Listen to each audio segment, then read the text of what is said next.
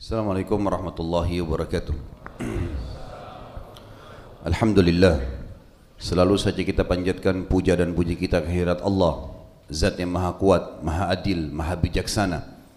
Satu-satunya yang telah menciptakan, mengurus, mengawasi Dan juga memusnahkan semua yang di langit Semua yang di bumi dan semua yang di kedalaman lautan. Zat yang paling layak untuk disembah. Dan dia telah menggantungkan segala kebutuhan kita dengan memuji namanya Alhamdulillah. Maka sangat wajar kalau kita selalu mengucapkan kalimat yang mulia ini.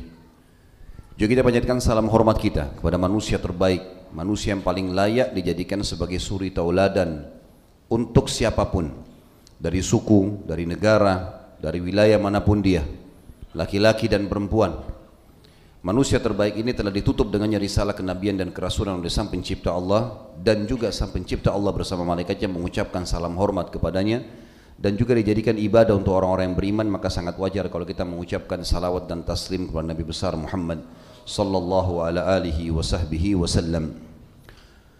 Seperti biasa saudaraku seiman semoga Allah berkahi kita membahas serial sahabat kita dan pada siang ini semoga Allah berkahi Thabit bin Qais bin Syammas radhiyallahu anhum.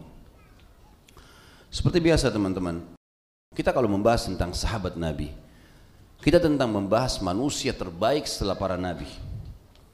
Orang-orang yang sudah mendahului kita dan mendahului kita dengan kebenaran, dengan ilmu, dengan keimanan, dengan amal saleh. Orang yang sudah sukses di dunianya, rata-rata mereka mampu secara finansial dan juga mereka sukses dalam rumah tangga mereka, punya keturunan, punya pasangan.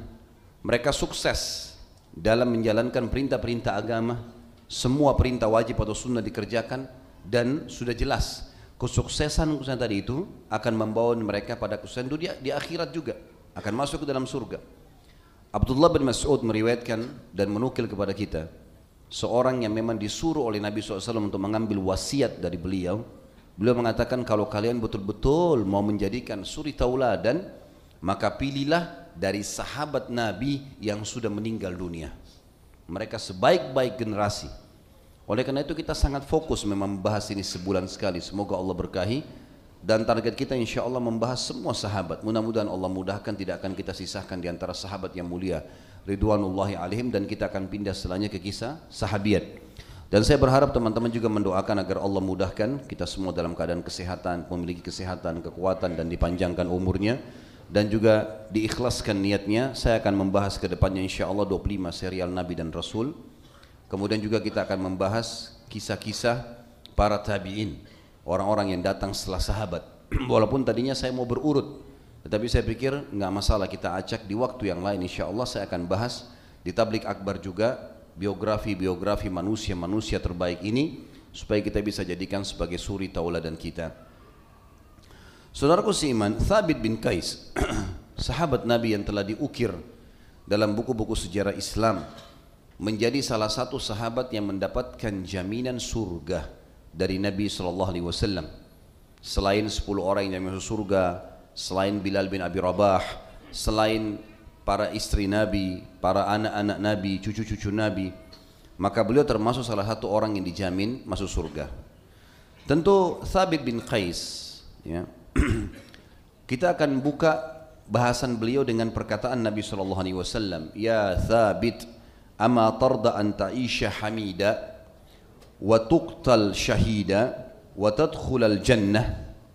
Hai Thabit, gembiralah karena kamu akan hidup mulia dan kamu akan mati syahid dan kamu juga dipastikan akan masuk ke dalam surga. Ini jaminan Nabi SAW kepada manusia terbaik ini. Maka dari riwayat ini saja teman-teman sudah sangat cukup untuk kita mempelajari tentang biografi manusia terbaik ini. Kita mulai teman-teman dari masuk Islamnya. Thabit radhiyallahu anhu dan sebagaimana juga judul kita Thabit bin Qais khatib atau khatib Nabi sallallahu alaihi wasallam ya. Beliau adalah orang yang sangat fasih lisannya, lantang suaranya, seorang orator yang terkenal, penyair, penulis dan juga beliau orang yang sangat cerdas serta sangat tepat dalam memilih kata-kata dan membalas sebuah pernyataan yang dilemparkan kepada beliau. Dan ini sebuah fadilah tentunya. Awal masuk Islamnya di tangan manusia yang baik, yang mulia dari sahabat Nabi yang sudah pernah kita bahas, Mus'ab ibn Umair radhiyallahu anhu, duta Nabi SAW ke Madinah. Dan Thabit bin Qais berasal dari kota Madinah, dari suku Khazraj. Jadi ada dua suku di Madinah yang sudah sering kita ulangi, Aus dan Khazraj yang akhirnya menjadi Ansar, yang menjadi Ansar. Datanglah Musa bin Umair ke rumah seorang sahabat yang mulia juga As'ad ibn Zurarah yang terkenal sekali. Sudah kita jelaskan juga kisahnya bagaimana As'ad bin Zurarah memang membawa Musa bin Umair keliling di Madinah untuk mengislamkan kepala-kepala suku di antaranya masuk Islamnya ya Sa'ad ibn Mu'ad radhiyallahu anhu dan sudah kita bahas juga kisahnya tentunya sebelumnya. yang jelas pada saat Musa bin Umair lagi menyampaikan tentang agama Islam dan setiap kali orang datang beliau hanya menyampaikan Al-Qur'an hanya menyampaikan Al-Quran dengan tujuan bahwasanya Al-Quran akan berbicara sendiri. Apalagi mereka orang-orang Arab yang mengerti bahasanya tahu apa yang dimaksudkan oleh Allah sang pencipta dalam Al-Quran. Salah satu yang tersentuh adalah Thabit bin Qais yang kebetulan waktu itu memang dia menjadi oratornya orang-orang Ansar terutama suku Khazraj. Mereka dulu zaman dulu itu suka di zaman jahiliyah mereka bertanding syair. Dan ini harus orang yang cerdas kata-katanya fasih ya, lisannya fasih, tidak pernah salah dalam mengucapkan kalimat, kemudian juga suaranya lantang. Thabit bin Qais, kalau dia masuk Islam teman-teman, ini sama dengan kalau sekarang pemilik media masuk Islam, lalu medianya dipakai untuk Islam. Di situ kita baru tahu pentingnya di zaman itu kalau ada seorang penyair masuk Islam. Jadi luar biasa pengaruhnya. Karena dia kalau bicara seperti media kalau kita sekarang. Bayangkan kalau ada salah satu media nasional yang terkenal kemudian tiba-tiba pemiliknya mungkin non muslim lalu masuk Islam lalu kemudian dia ubah semua programnya menjadi Islam dan disebarkan dakwah. Maka luar biasa pengaruhnya. Kurang lebih seperti itu.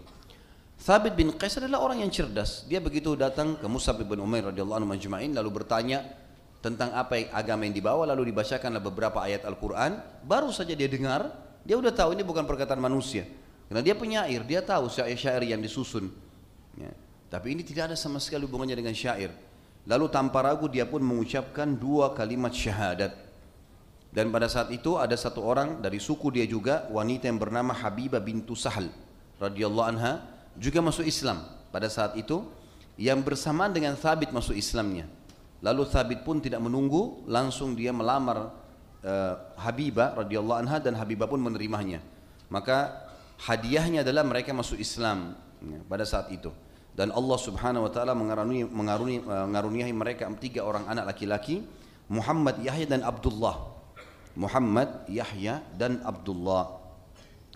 Lalu Nabi SAW juga mempersaudarakan antara Thabit bin Qais setelah dia masuk Islam dan waktu Nabi SAW tiba di Madinah dengan sahabat muhajir namanya Amir bin Abil Bukair bin Abi Bukair Amir bin Abi Bukhari ini adalah disebutkan keterangannya, beliau adalah seorang sahabat yang mulia ikut dalam perang Badar dan seluruh perang lainnya bersama Rasulullah sallallahu alaihi wasallam. Masuk Islam bersama tiga orang sahabat, tiga orang saudaranya. Akil, Khalid dan Iyas. Tidak ada empat bersaudara yang ikut perang Badar selain mereka. Dan Amir pun gugur sebagai orang yang mati syahid di perang Yamamah. Sebagaimana juga kita tahu nanti Thabit juga meninggal mati syahid di perang Yamamah. Dua orang yang saling mencintai karena Allah ini ya mati dua-duanya mati di jalan Allah Subhanahu wa taala. Baik teman-teman sekalian, beliau mendapatkan julukan khatib Nabi sallallahu alaihi wasallam ada sebabnya. Disebutkan Anas bin Malik meriwayatkan kisah Thabit bin Qais sempat berkhutbah saat Nabi SAW datang ke Madinah. Jadi beliau naik di atas building yang tinggi, Lalu beliau berteriak dengan suara yang keras. Tapi orang tahu ini adalah khatib. Dia pembicara. Dan dia memiliki suara lantang, fasih. Dia kalau ngomong orang jadi suka dengar. Sampai sebagian ulama mengatakan suaranya pun merdu. radhiyallahu anhu. Lalu beliau berkata, pada saat itu mengatakan kami melindungimu. Wahai utusan Allah dari segala apa yang kami melindungi diri dan anak-anak kami darinya Yang kami ingin tanyakan, apa yang kami dapatkan balasannya? Maka kata Nabi SAW, surga. Nabi SAW dari atas untanya mengatakan surga. Lalu kata beliau, kami menerimanya dengan ridho. Setelah mengucapkan kalimat ini dan didengarkan semua oleh orang Ansar, berarti gara-gara Thabit bin Qais yang bertanya dan Nabi SAW berikan jaminan surga seluruh Ansar, seluruh penduduk Madinah masuk Islam pada saat itu agar mereka, kalau mereka melindungi Nabi SAW dan kita sudah tahu memang mereka melindungi Nabi SAW, maka gara-gara pertanyaan Thabit, orang-orang Ansar semuanya merasa tentram dan akhirnya memaksimalkan pembelaan untuk Nabi SAW karena jaminannya adalah surga. Dan ulama mengatakan bahwasanya setiap mata yang melihat pada saat itu dan setiap telinga yang mendengar dari kaum muslimin Madinah dipastikan dari orang-orang Madinah dipastikan Thabit bin Qais yang mendapatkan pahalanya karena dia sempat ya membuka pertanyaan kepada Nabi SAW tentang masalah jaminan surga tadi. Juga pernah ada delegasi, delegasi dari Bani Tamim masuk masjid, mereka memanggil Rasulullah SAW dari balik kamar mereka, kamar beliau, kemudian berkata, keluarlah kepada kami wahai Muhammad. Mereka masih dalam keadaan kafir tentunya. Teriakan mereka mengganggu Nabi SAW sehingga beliau keluar menemui mereka. Mereka pun berkata, wahai Muhammad, kami datang kepadamu untuk menunjukkan kebanggaan kami. Izinkanlah khatib dan penyair kami untuk berbicara. Nabi SAW menjawab, aku telah mengizinkan khatib kalian, silakan berbicara. Maka Utharid ya Ibn Hajib berdiri dan berkata, segala puji bagi Allah pemilik karunia dan nikmat atas kami. Dia pantas mendapatkan pujian, dia yang menjadikan kami sebagai raja-raja Arab. Dia memberikan harta yang melimpah kepada kami sehingga dengan harta itu kami berbuat kebaikan. Dia menjadikan kami orang-orang timur yang paling mulia paling besar jumlahnya, paling lengkap prasarananya. Siapa yang seperti kami? Tanda tanya. Bukankah kami adalah para pemimpin manusia dan pemegang keutamaan mereka? Tanda tanya juga. Siapa yang ingin membangga berbangga-bangga melawan kami, hendaklah dia menyebut seperti apa yang telah kami sebutkan. Kalau kami berkenan, niscaya kami berbicara panjang lebar, tapi kami hidup dari apa yang telah dia berikan kepada kami, maksudnya Allah dalam jumlah besar, dan kami dikenal dengan itu. Aku berkata demikian agar kalian mengatakan seperti perkataan kami dan perkara yang lebih baik darinya daripada perkara kami. Lalu Utharid pun duduk. Pada saat itu teman-teman, Nabi SAW melihat orang-orang ini sebenarnya tujuannya datang untuk menunjukkan kehebatannya dalam berbicara. Untuk memastikan kepada Nabi SAW, kalaupun ada orang yang anda pilih, maka pilihlah kami. Kami orang yang paling pantas untuk dipilih. Ini seperti sebuah tantangan. Maka Nabi SAW berkata kepada Thabit bin Qais bin Shammash radhiyallahu anhu dari suku Harith bin Khazraj. Berdirilah wahai Thabit. Jawab khutbah laki-laki itu. Thabit lalu berdiri dan berkata segala puji bagi Allah. Langit dan bumi adalah ciptaannya. Dia menetapkan perintahnya kepadanya, kepada langit dan bumi. Ilmunya Allah meliputi kursinya. Tidak ada sesuatu pun kecuali ia Eh, kecuali ia dari karuniahnya. Kemudian karena kodratnya dia Allah menjadikan kami sebagai raja-raja. Kalau kalian raja di suku kalian, kami juga raja di suku kami di Madinah. Dia memilih seorang rasul dari makhluk terbaiknya, paling mulia nasabnya, paling jujur perkataannya, dan paling terhormat kedudukannya.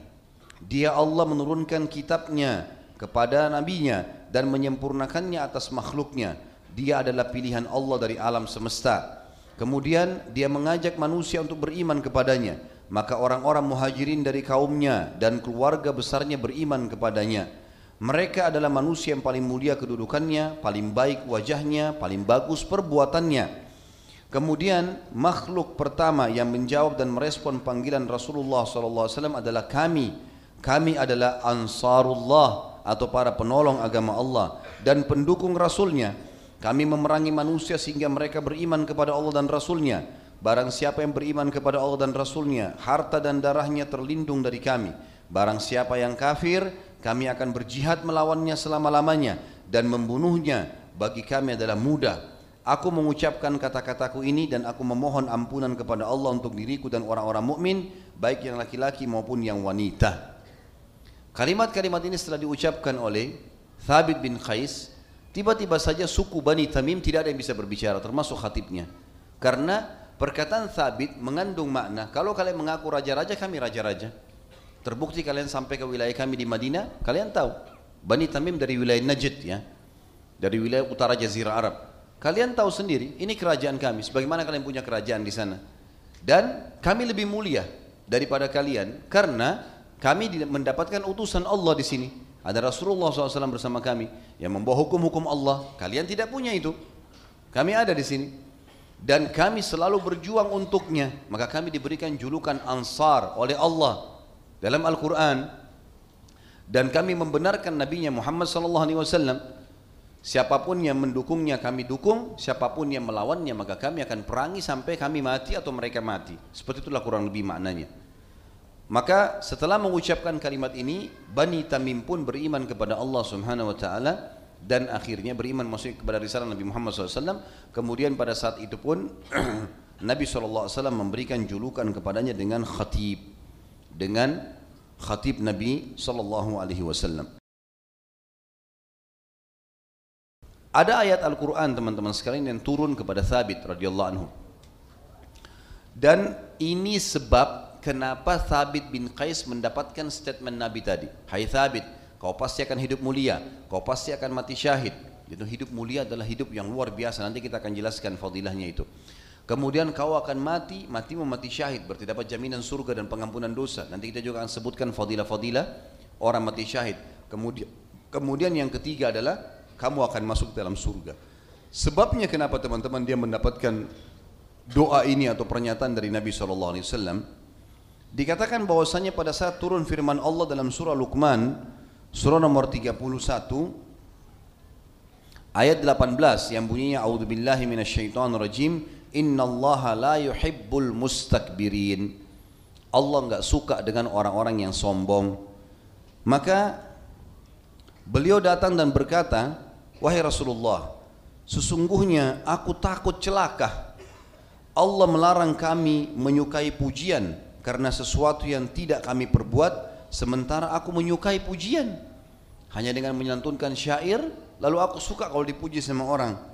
Allah melarang kami menyombongkan diri sebagaimana firman-Nya, Allah tidak suka dengan orang-orang sombong, sementara aku menyukai keindahan dan Allah melarang kami meninggikan suara di atas suaramu sementara aku adalah orang yang bersuara lantang.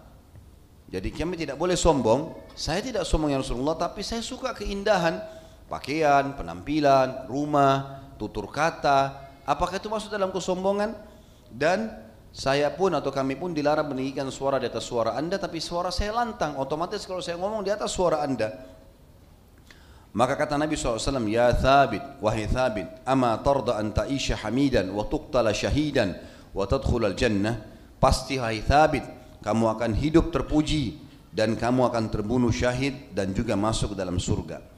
Dalam riwayat yang lain lebih lengkap lagi Anas bin Malik menuturkan ketika turun firman Allah dalam surah Al-Hujurat ayat 2 A'udzu billahi minasyaitonir rajim Ya ayyuhalladzina amanu la tarfa'u aswatakum fawqa sautin nabi. Al-ayah Hai orang-orang beriman jangan pernah kalian meninggikan suara kalian melebihi suaranya nabi.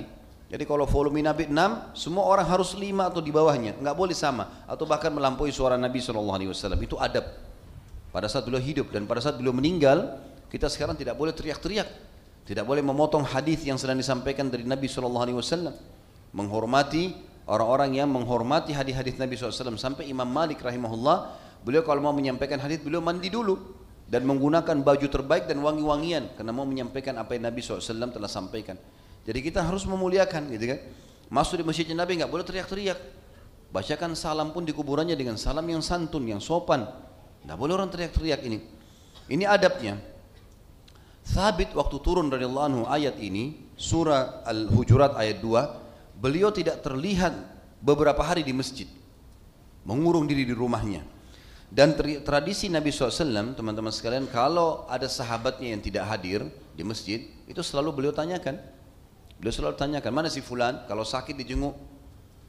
Kalau meninggal maka beliau mendatangi takziah di rumahnya, bantu ngurus jenazahnya, ya, datang mendoakannya ya, di kuburan dan seterusnya. Maka beliau bertanya, Thabit sempat berkata waktu turun ayat ini, aku termasuk penghuni neraka.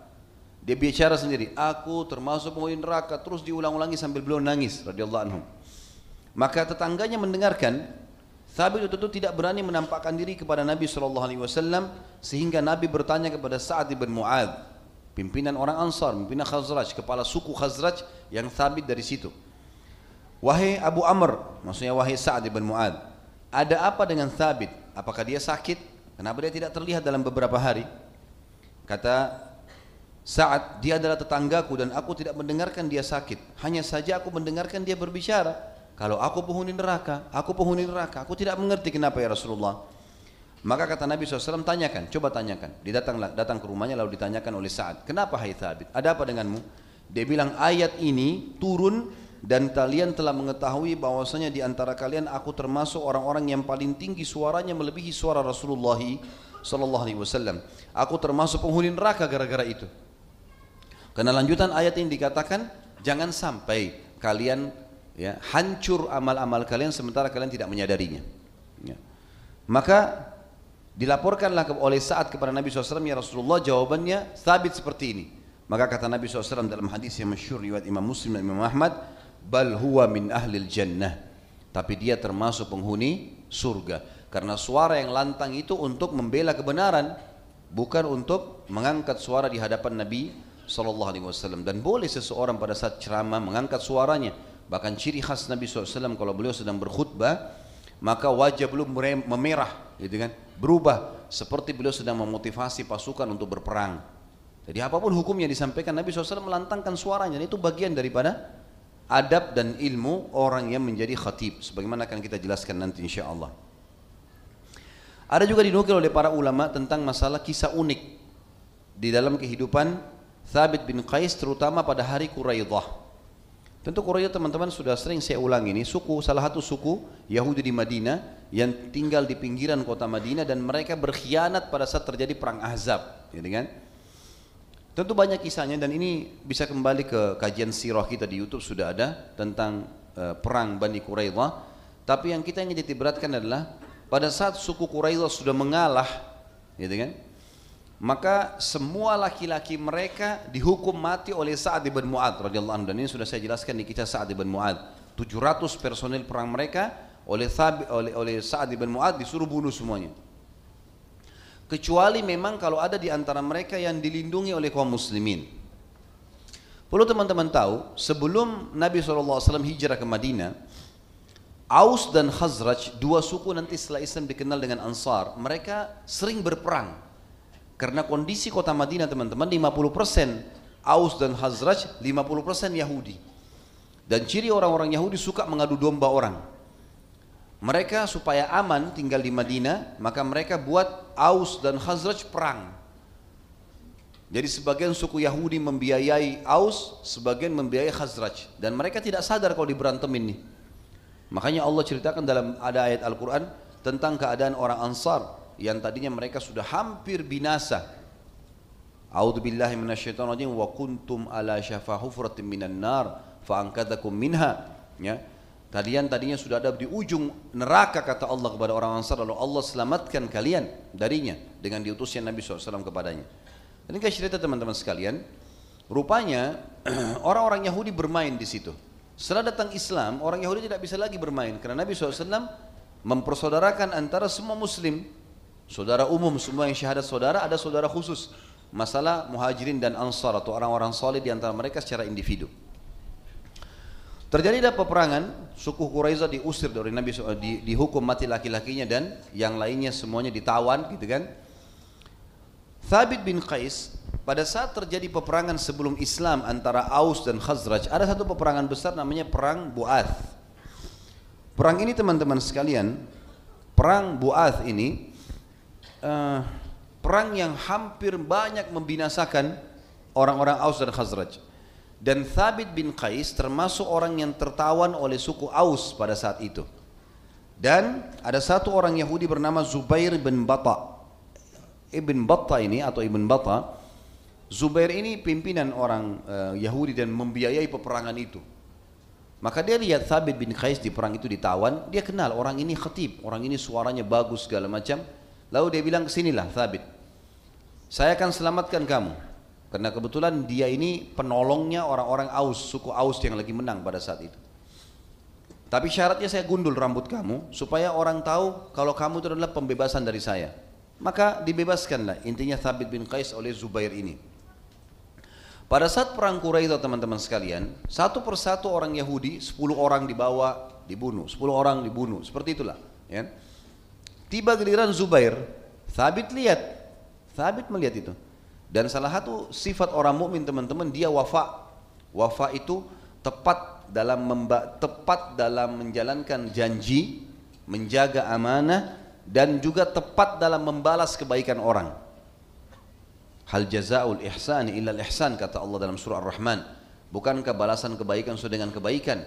Dan kata Nabi SAW dalam hadis sahih, siapa yang telah berbuat kepada kalian kebaikan maka balaslah dengan yang setimpal atau lebih baik dan siapa yang mengucapkan jazakallahu khairan maka dia telah memenuhi dan memberikan yang terbaik dari balasannya. Ringkas cerita, Thabit bin Qais radhiyallahu anhu melihat Zubair, orang Yahudi ini, ditawan, lagi digiring mau dibunuh. Memang dia termasuk tawanan yang akan dibunuh. Maka Thabit mengatakan, "Hai Zubair, aku akan berbuat baik padamu sebagaimana pernah kau berbuat baik padaku pada perang Bu'ath, gitu kan? Aku akan melindungimu Kata Zubair, kalau kau melakukannya, kau telah berbuat baik kepadaku. Sempat Thabit bilang begini, apakah kau melupakanku hai Zubair? Kata Zubair, orang sepertiku tidak akan melupakan orang sepertimu. Maksudnya, aku pernah menolongmu, aku tidak lupa itu. Kata Thabit, saya akan menolongmu sekarang. Kata dia, baiklah. Kalau memang kau menolongku, maka aku berterima kasih. Maka pergilah Thabit bin Qais kepada Nabi SAW bertanya ya Rasulullah, Zubair berikanlah kepadaku. Orang Yahudi tentunya, ini bukan Zubair bin Awam ya, tapi Zubair yang tadi sudah kita sebutkan namanya adalah Zubair bin Bata ya. Maka dia berkata dan perlu teman-teman tahu ya orang-orang Yahudi di Madinah karena mereka sudah lama tinggal di Madinah waktu itu mereka menggunakan bahasa Arab mereka juga menggunakan nama-nama Arab ya. Beda dengan sekarang mereka tinggal di Eropa mereka namakan namanya dengan nama Eropa seperti itulah. Maka yang terjadi adalah Nabi SAW didatangi oleh Thabit, Thabit mengatakannya Rasulullah Zubair pernah berbuat baik sama saya, berikanlah untuk saya. Kata Nabi SAW dia punya kamu, silahkan. Dan ini juga hukum syar'i dalam peperangan boleh. Kalau seseorang sedang punya uh, tawanan atau ada orang yang ditawan oleh pasukan muslimin dan dia merasa orang ini dia mau bebaskan atau dia mau lindungi, boleh dia datang kepada panglima perang mengatakan, ini punya jasa dengan saya, bisa diberikan kepada saya saja. Maka Nabi SAW mengatakan, silakan, punya kamu. Maka dia pun kembali kepada Zubair mengatakan, sesungguhnya Rasulullah SAW telah memberikan darahmu kepadaku. Kamu boleh nggak dibunuh? Maka aku memberikannya kepadamu. Silakan kamu bebas. Tapi Zubair perhatikan orang-orang Yahudi dengan tamaknya ya. Dia mengatakan begini seorang laki-laki tua tidak mempunyai keluarga dan anak. Apa yang bisa dilakukan dalam hidupnya? Lalu Thabit kembali lagi kepada Nabi SAW mengatakan ya Rasulullah Zubair tidak bisa hidup tanpa istri dan anaknya. Maka berikanlah kepadaku istri dan anaknya. Kata Nabi SAW semua punyamu. Silakan ambil saja maka dia pun kembali lagi kepada Zubair mengatakan, Hai Zubair, Rasulullah SAW telah memberikan kepadaku istri dan anakmu. Ini tawanan perang. Hamba sahaya bisa diperjualbelikan, gitu kan? Tapi dia bilang katakan, saya kembalikan kepadamu. Zubair bilang lagi, sebuah keluarga di Hijaz, maksudnya di Madinah, yang tidak berharta, bagaimana mereka bisa bertahan hidup? Maksudnya dia minta hartanya lagi. Ini sudah nyawanya selamat, keluarganya selamat, masih tamak. Nanti kita lihat penutupan kisah ya, bodohnya si Zubair ini luar biasa. Zubair Yahudi ya, bukan Zubair Muslim nih. Kemudian Thabit menemui Nabi SAW dan berkata, Ya Rasulullah, berikanlah hartanya Zubair kepadaku. Karena dia tidak bisa hidup sama istilahnya tanpa harta. Kata Nabi SAW, itu untukmu. Ambil saja, silakan. Dia kembali lagi mengatakan kepada Zubair, Wahai Zubair, sesungguhnya Rasulullah SAW telah memberikan hartamu kepadaku dan aku memberikannya semua padamu. Tidak usah dibagi, silakan sebagai balas jasa dulu. Gitu kan? Hanya itu saja. Begitu luar biasanya namanya wafa dalam agama. Bagaimana dia luar biasa membalas kebaikan orang walaupun orang kafir. Ya. Lalu kemudian Zubair berkata lagi, wahai Thabit, ya, bagaimana dengan seorang laki-laki yang wajahnya seperti cermin yang elok dan darinya gadis-gadis kampung terlihat. Maksudnya orang-orang pada gadis-gadis pada mengejarnya, yaitu Kaab bin Asad. Ini salah satu pimpinan Yahudi yang terkenal dengan ketampanannya, gitu kan? Bagaimana keadaannya dia? Pemimpin orang-orang Yahudi, Thabit berkata, ia telah mati terbunuh bersama dengan korban yang lain. Sudah jadi korban itu. Zubair bertanya lagi, bagaimana dengan pemuka perkotaan dan perdesaan yaitu Huyai bin Akhtab? Thabit berkata, mati terbunuh. Huyai bin Akhtab ini adalah ayahnya uh, Sofia yang akan jadi istri Nabi SAW pada saat pembebasan Khaybar. Zubair bertanya lagi, uh, kata kata Thabit dia mati terbunuh. Kata Zubair, uh, maaf, kata Zubair lagi, bagaimana dengan kesatria kami jika kami menyerang dan ber, jika, jika kami menyerang dan pelindung kami jika kami menyerbu yaitu Azal bin Samuel ya. maka Thabit berkata sudah mati terbunuh sudah banyak yang mati ini Zubair lalu bertanya lagi bagaimana dengan sepasang majlis yaitu Bani Ka'ab ibn Quraidah dan Bani Amr ibn Quraidah jadi kebanyakan mayoritas suku Quraidah mana semua nih yang terkenal suka kumpul-kumpul, suka ngobrol-ngobrol dalam benteng. Kata Thabit, mereka telah mati, semuanya terbunuh. Mereka sudah diselesaikan urusannya. Semoga Allah berikan kau hidayah. Udahlah, nggak usah bertanya mereka. Kamu sudah selamat, syukur. Ini di kancah peperangan nih, sudah berkhianat, selamatnya sudah syukur, gitu kan? Masih banyak bertanya. Maka Zubair berkata kepada Thabit, ini aneh permintaannya. Dia bisa selamat, tapi apa yang dia bilang? Aku memohon dengan nama Allah dan dengan jasa baikku atasmu wahai Thabit agar engkau menyusulkanku dengan kawan-kawanku aku juga mau mati dibunuh dalam riwayat dikatakan aku ingin masuk surga bersama mereka kebodohan ini ya Demi Allah tidak ada lagi kebaikan bagi kehidupan sesudah mereka. Aku tidak sabar karena Allah. Ya. Walaupun hanya seukuran satu ember air sehingga aku bertemu dengan orang-orang yang aku cintai. Thabit lalu menyampaikan kata-katanya kepada Nabi SAW. Zubair bilang begini ya Rasulullah. Kata Nabi SAW datangkan sini. Datangkan. Penggal lehernya udah. Ini udah diselamatin. Masih banyak minta permintaan lalu minta mohon lagi supaya dibunuh. Dia yang mohon gitu kan. Ya sudah dikasih. Ucapan Zubair sampai ke telinganya Abu Bakar dan maka Abu Bakar berkata, dia bertemu dengan mereka teman-temannya demi Allah di dalam neraka jahanam kekal di dalamnya selama-lamanya. Dan di sinilah Thabit bin Qais bersyair. Dia mengatakan tanggung jawabku terpenuhi bahwa aku orang berbudi penyabar ketika orang-orang menjauhi kesabaran. Jadi tadi sebenarnya aku sudah tidak sabar tuh orang ini dibebasin minta keluarganya minta dibebasin minta hartanya dibebasin masih minta tanya teman-temannya gitu kan maka aku sabar. Pada saat orang-orang mungkin sudah tidak bisa sabar dengan itu. Zubair adalah orang yang paling besar jasa baiknya atasku saat kedua tangannya terikat saat kedua tanganku teringat terikat sebagai tawanan. Aku menemui Rasulullah SAW agar bisa melepaskannya dan Rasulullah adalah lautan berjalan bagi kami. Artinya Nabi SAW sudah buat baik, tapi dia tidak mau, maka terbunuhlah dia. Terbunuhlah dia. Ya. Ini di antara kisah yang unik yang dinukil berhubungan dengan kehidupan Thabit radhiyallahu anhum. Dan kita akan sebutkan juga teman-teman sekalian tentang masalah kejadian yang besar dalam hidup uh, Thabit yang merupakan bisa kita katakan tanda kutip jasa beliau untuk Nabi Shallallahu Alaihi Wasallam. Yaitu kisah, kisah tentang uh, Juwairiyah radhiyallahu anha yang menjadi istri Nabi SAW di perang Bani Mustalik. Perang Bani Mustalik teman-teman, suku Mustalik terkenal suku yang besar dari Jazirah Arab dan mereka berusaha membentuk pasukan untuk menyerang Madinah. Mereka mau menyerang Madinah. Nabi SAW salah satu strategi perang beliau SAW, beliau kalau dengar ada satu suku mau menyerang, maka beliau menyerang lebih dulu sebelum menunggu. Sampai keluar istilah bagi pepatah-pepatah orang Arab mengatakan sebaik-baik serangan, sebaik-baik pertahanan adalah penyerang, gitu kan? Karena Nabi SAW berperilaku seperti itu dalam peperangan beliau. Pasti menyerang dulu, yang penting sudah memastikan informasi memang ada musuh yang akan menyerang, sehingga tidak ada kesempatan mereka menguasai wilayah.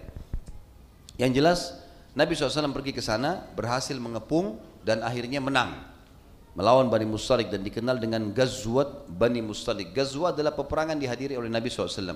Kalau mau dengar panjang lebar bisa ikuti di YouTube tentang ceramah saya berhubungan dengan perang Bani Mustalik. Salah satu hal yang terjadi pada saat itu teman-teman sekalian, dibagilah harta-harta rampasan perang. Termasuk orang-orangnya, di antaranya ada Juwairiyah. Juwairiyah binti Harith adalah anaknya Harith. Harith kepala suku Mustalik. Terkenal dengan kecantikannya, dengan kedudukannya, dengan segala macam kelebihan anak raja pada saat itu. Maka Juwairiyah ini menjadi bagiannya Thabit bin Qais. Waktu dibagi itu menjadi sahayanya dia, gitu kan? Maka datanglah Ali bin Abi Thalib mengatakan ya Rasulullah, aku melihat Juwairiyah tidak layak. Maaf, salah ini kisah Sofia. Kisahnya begini. Maka uh, Juwairiyah datang berkata kepada Thabit, saya berharap bisa menebus diri saya supaya jangan saya menjadi tawanan. Kata Thabit, itu hak kamu. Kalau kamu bebaskan silahkan, gitu kan? Lalu dia pun mengatakan, tunjukkan saya di mana Nabi kalian. Datanglah Juwairiyah. Waktu Juwairiyah datang, di depan kemah Nabi SAW dalam riwayat sahih dikatakan Aisyah melihatnya. Dan Juwairiyah sangat cantik. Kata Aisyah dalam riwayat ini, begitu saya melihatnya saya langsung membencinya. Karena saya sudah tahu ini kemungkinan dinikahi oleh Nabi Shallallahu Alaihi Wasallam. Maka dia pun berkata, mana mana Rasul, mana Nabi kalian? Kata Aisyah ada, tapi lihat bagaimana adabnya Aisyah radhiallahu. Bukan seperti sebagian wanita sekarang, cemburu kemudian langsung bersangka buruk, berusaha menghadang, berusaha segala macam hal yang tidak benar. Ditanya, mana utusan Allah, utusan Allah pada kalian? Kata Aisyah ada di dalam. Silahkan masuk. Dia masuklah Juwairiyah. Begitu masuk lalu mengatakan, wahai utusan Allah, saya Juwairiyah binti Harith dan saya tidak rela menjadi tawanan karena saya anak raja. Bisa enggak saya meminjam uang dengan anda untuk menebus diri saya? Anggap utang, gitu kan? Lalu kata Nabi SAW, wahai Juwairiyah, maukah kau sesuatu yang lebih baik? Kata dia apa? Kata Nabi SAW, kamu masuk Islam dan saya nikahi. Tidak usah ada tidak usah ada tebusan. Kata Juwairiyah, tentu saja. Maka dia syahadat pada saat itu dan Nabi SAW menikahinya dan Nabi SAW menikahinya maka Aisyah berkata pada saat itu ya tersebarlah berita di pasukan kalau Nabi SAW menikahi Juwairiyah dan yang menyebarkan berita Aisyah radhiallahu anha istri yang sangat mulia yang selama ini selalu dirusak namanya dengan dikatakan kalau dia pencemburu dan seakan-akan cemburu Aisyah negatif. Ini salah teman-teman sekalian. Aisyah cemburu iya.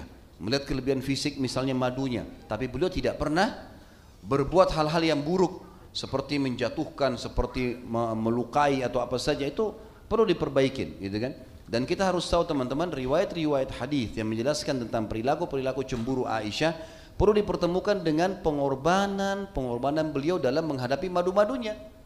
Saya selalu dengar riwayat yang dinukil oleh para teman-teman dai kita, Aisyah itu cemburu begini dan begitu. Baik, tapi kenapa nggak dinukil dengan adil? Kalau Aisyah berkata pada dalam riwayat sahih, saya pernah mengadakan perjalanan bersama Nabi SAW dan pada saat itu Nabi membawa dua orang istrinya bersama dengan Hafsah. Dan saya baru tahu kekurangan saya dan kedudukan Hafsah pada saat saya lihat bagaimana dia melayani melayani Nabi Shallallahu Alaihi Wasallam. Saya jadi belajar bagaimana Hafsah luar biasa melayani tempat tidurnya Nabi, melayani pakainya Nabi, melayani minumnya Nabi, makannya dan seterusnya.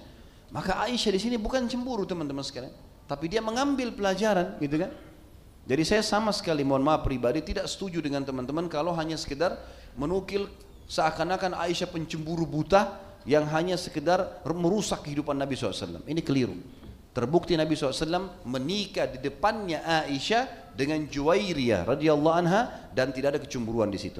Bahkan disebutkan dalam riwayat pada saat setelah menikah dengan Juwairiyah, Nabi SAW pulang ke Madinah, Aisyah dengan Juwairiyah bersebelahan untanya dan Aisyah menjelaskan kepada Juwairiyah tentang pribadi-pribadi Nabi SAW. Kenapa ini nggak dinukil teman-teman sekalian? Jadi pada saat pulang ke Madinah dari perang Bani Mustalik, Aisyah radhiyallahu anha bersebelahan dengan Juwairiyah radhiyallahu anha dan Aisyah menceritakan tentang pribadi-pribadi dan kesukaan Nabi SAW. Bayangkan. Dan Aisyah mengatakan menukir riwayat Bukhari teman-teman sekalian bagi akhwat kita dengarkan baik-baik sampai Aisyah mengatakan apa? ya saya tidak pernah melihat wanita lebih mulia dibandingkan Juwairiyah kenapa karena dia sangat menghormati kaumnya apa sebabnya perkataan ini karena waktu Juwairiyah masuk Islam dan Nabi SAW mengatakan, kau masuk Islam dan saya akan nikahi kamu, maka secara otomatis menjadi istri Nabi SAW, tersebar berita di pasukan. Kalau Nabi SAW menikahi Juwairiyah, apa yang terjadi teman-teman sekalian? Seluruh sahabat membebaskan satu suku mustalik. Yang jadi tawanan tadi bisa diperjualbelikan. Satu manusia bisa mahal nilainya, gitu kan? Bisa ditebus. Tapi Nabi SAW kena menikahi Juwairiyah maka seluruh sahabat mengatakan kita bebaskan keluarga istri Nabi SAW. Maka semuanya dibebaskan, semua suku Mustalik tidak ada yang jadi budak. Dan gara-gara itu teman-teman sekalian semuanya masuk Islam. Apa kata Aisyah? Tidak ada wanita yang lebih mulia dibandingkan Juwairiyah karena dia betul-betul menghormati kaumnya. Gara-gara dinikahi Nabi SAW dia masuk Islam, sukunya semua bebas. Sukunya semua bebas. Ini pelajaran penting teman-teman sekalian. Karena maaf, saya temukan teman-teman kadang-kadang bicara masalah poligami, belum bukan praktisi, bukan orang yang melaluinya, lalu dia bicara. Ini maaf, bukan pada tempatnya ini. Atau dia menceritakan tentang cemburu-cemburu Nabi, fokus di situ saja. Tidak pernah diangkat masalah adanya perilaku-perilaku yang positif. Bagaimana para istri Nabi pernah bersama-sama di atas satu tunggangan. Bukankah ada riwayat yang sahih menjelaskan kalau istri-istri Nabi pernah ada di atas unta, satu unta mereka beberapa orang dibuatkan seperti geranda di atasnya, lalu Anjasya, supirnya Nabi lah, kalau kita sekarang supir yang memegang unta itu melantunkan suara yang indah sehingga unta ini menggoyang-goyangkan lehernya dan sempat goyang ya e, geranda itu. Kata Nabi SAW, e, pelan-pelannya wahai Anjasya, pelan-pelannya dengan botol-botol kacaku. Nabi SAW membahasakan tentang istrinya. Istri, istri Nabi SAW satu kendaraan sama-sama. Pernahkah diangkat kisah seperti ini teman-teman sekalian? Jadi jangan cuma sekedar masalah kecemburuan, kecemburuan. Dan sudah pernah saya sebutkan teman-teman. Ada beberapa riwayat seperti misalnya cemburunya Aisyah radhiyallahu anha dan beliau meminta maaf dengan Nabi SAW. Di antaranya, beliau pernah cemburu dengan Khadijah radhiyallahu anha. Riwayat sahih. Kalau Nabi SAW pernah duduk bersama Aisyah di Madinah lalu datanglah dua orang wanita yang memberikan salam. Begitu mendengar suara Nabi SAW tiba-tiba berdiri dan buru-buru membuka pintu dan mempersilahkan dua wanita tua untuk masuk. Lalu berkata, wahai Aisyah, layani tamu kita. Maka Aisyah pun melayani radhiyallahu anha dan beliau dengan adabnya, adabnya kalau tamu datang tidak menanyakan kenapa datang, untuk apa, sampai mereka ceritakan. Mungkin dia cuma sekedar mau bertamu. Adab syar'inya begitu. Ada orang subhanallah tamu masih depan pintu, mau apa? Ini super pelit ini. Luar biasa. Panggil dulu datang, masuk, berikan minuman, berikan makanan. Kalau dia nggak terangkan dia sudah berarti cuma mau bertamu, kan gitu. Itu adabnya. Aisyah pun dari Allah melayani kedua tamunya ini ngobrol-ngobrol secara umum, tidak tanya kalian siapa, mau apa di sini, enggak, enggak ada tanya. Udah makan mereka cerita apa, Aisyah menjawabnya radhiyallahu Pulanglah dua wanita tersebut. Lalu Aisyah berkata, ya Rasulullah, siapa dua wanita itu? Begitu luar biasanya anda menghormatinya. Apa kata Nabi SAW? Kalau yang satu adalah adiknya Khadijah. Dia adik kandungnya Khadijah dan yang satu lagi sahabat dekatnya Khadijah yang selalu mengunjungi rumah kami pada saat di Mekah. Perhatikan ini kalimatnya ya. Apa yang terjadi? Aisyah tiba-tiba cemburu. Apa kata Aisyah? Ya Rasulullah, Anda masih mengenang wanita Quraisy yang sudah keriput semua mukanya ya. Dan sudah masuk ke dalam tanah. Sementara Allah sudah menggantikan anda wanita Quraisy yang lebih baik. Maksudnya Khadijah sudah tua ya Rasulullah sudah mati kenapa masih diingat? Saya ada masih hidup. Lebih mudah gitu kan? Apa kata Nabi SAW wahai Aisyah tidak akan pernah ada yang mengganti kedudukan Khadijah. Dia beriman padaku pada saat orang kufur. Dia membiayai agama ini dengan hartanya dan Allah mengaruniakan saya anak darinya. Lalu Aisyah terdiam, tahu kalau dia salah. Aisyah pun minta maaf dengan Nabi SAW. Pertanyaan, perkataannya memang tegas ya, tapi Aisyah minta maaf teman-teman. Kenapa yang sering dinukil ini Aisyah cemburu, gitu kan? Baik. Yang kita ambil sebagai ibro pelajaran adalah peringatannya Nabi, bukan perilakunya sahabatnya. Kan gitu. Sahabat misalnya ada yang minum khamar, apa hukuman Nabi? Dicambuk. Pelajarannya adalah hukumannya. Kan itu. Itu hukumnya. Bukan perilaku sahabatnya. Ini yang perlu digarisbawahi. Cemburunya Aisyah perilaku. Tapi hukum apa? Teguran Nabi SAW. Ini kan yang penting. Pernah dalam riwayat lain juga Aisyah cemburu radhiyallahu anha dengan Sofia radhiyallahu anha. Karena Sofia adalah wanita yang cantik dari turunan Yahudi juga. Allah berikan kelebihan. Sebagaimana ulama-ulama hadis nukil tentunya. Kemudian Nabi SAW datang dari rumah Sofia. Lalu kata Aisyah, Ya Rasulullah, cukuplah anda dengan cukuplah anda dari wanita Yahudi yang pendek itu. Gitu kan? Padahal sebenarnya Aisyah juga pendek. Gitu. Tapi begitu bahasanya, karena dalam riwayat dikatakan Nabi SAW kalau berdiri Aisyah sampai ke pundaknya. Jadi posisinya sama Sofia sama saja, tapi kecemburuan, gitu kan? Lalu kata Nabi SAW, wahai Aisyah, kau telah mengucapkan kalimat yang kalau kalimat itu ditaruh di lautan merusak lautan itu. Perkataan kau mengatakan madumu itu pendek, maka itu sudah cukup membuat dosamu luar biasa. Apa yang terjadi? Aisyah minta maaf. Aisyah minta maaf, salah nih. Yang perlu digarisbawahi adalah tegurannya Nabi SAW dan Aisyah menerimanya. Kan gitu. Jangan dinukil hanya perkataan Aisyah saja. Seakan-akan Aisyah ini cemburuan dan tidak dijelaskan masalah hukum syar'inya. Jelas ya? Pernah juga satu kali dalam kejadian yang lain. Nabi SAW riwayat ini dihasankan oleh sebagian ulama hadis.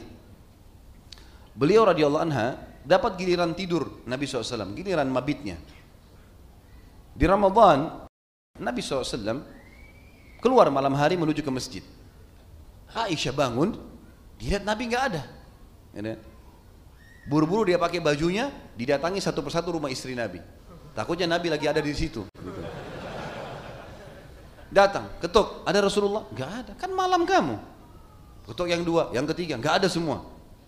Aisyah sambil jalan buru-buru sampai akhirnya muncul pikiran dia ke masjid. Dilihat Nabi SAW lagi sholat di masjid. Begitu Nabi tahu, Nabi tahu ini Aisyah di sebelahnya lagi ada nafasnya terengah-engah karena buru-buru jalan, gitu kan? Nabi SAW balik, sahabat salam lalu berkata, wahai Aisyah, kamu cemburu lagi? Hmm? Ini malam Ramadan, malam ibadah, gitu kan? Maka Aisyah pun meminta maaf lagi. Salah, tapi hukum syar'i teguran Nabi SAW. Gitu. Artinya tidak layak kamu cemburu seperti ini. Jangan perlu dengan kecurigaan. Dan hampir semua teman-teman kecemburuan Aisyah seperti itu. Kasus misalnya yang saya juga sering dengar di Nukil ini, kalau salah seorang istri Nabi memberikan kurma satu piring, lalu kemudian Aisyah menepisnya, gitu kan? Jatuh tertumpah. Apa kata Nabi SAW? Pungutlah kepada pembantu yang membawanya, pungutlah, ibumu sedang cemburu. Kalau betul-betul Aisyah itu teman-teman tidak merasa bersalah, pasti dia akan lanjutkan. Udah nggak usah pungut, apalah, mungkin dia tambah marah. Tapi enggak loh. Waktu Nabi SAW mengatakan pungutlah karena ibumu sedang cemburu. Sebagian ulama hadis mengatakan Aisyah pun merasa malu dengan Allah dan Rasulnya. Maka dia pun tidak melanjutkan membiarkan kurma itu dipungut dan diletakkan di depan piring di depan Nabi SAW di rumah Nabi dan Nabi memakannya. Coba lihat riwayat ini teman-teman, hukum syar'inya yang Nabi SAW sebutkan. Jangan selalu Aisyah disalahkan ini. Kesannya kayak dia sudah luar biasa dalam kesalahan-kesalahan seperti ini dan banyak riwayat yang berhubungan seperti ini teman-teman sekalian. Maka kita harus adil di sini. Dan riwayat yang baru kita jelaskan kisah Juwairi riwayat yang paling kuat bagaimana Aisyah melihat depan matanya Nabi SAW menikahi Juwairiyah. Padahal tadinya dia cemburu. Dia bilang pada saat saya lihat depan kemah, saya langsung membencinya. Membenci maksudnya adalah saya melihat ini orang pasti jadi saingan saya nih. Tapi waktu dia bilang, mana utusan Allah? Silahkan masuk. Disuruh masuk ke dalam rumah. Allahu alam ini akhwat kita kalau sekarang. Nah, nggak ada, nggak ada. Tutup. Tutup pintu.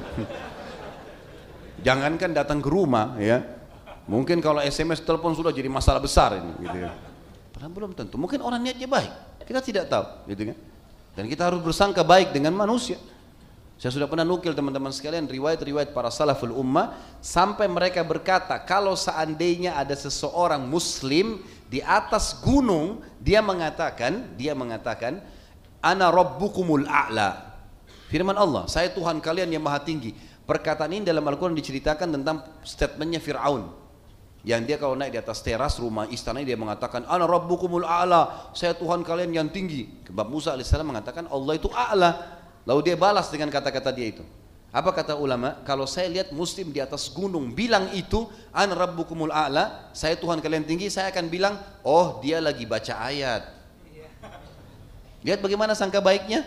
Pada orang itu sebutkan Mungkin dia betul ngaku Tuhan kalau saya melihat saudara saya muslim jenggotnya basah dengan khamar, saya akan mengatakan tertumpah pada jenggotnya khamr. Dan kalau saya temukan seorang muslim berada di atas satu unta, tunggangan dengan wanita lain, saya akan mengatakan bahwasanya itu mungkin istrinya, mungkin ibunya, mungkin adiknya. Ya.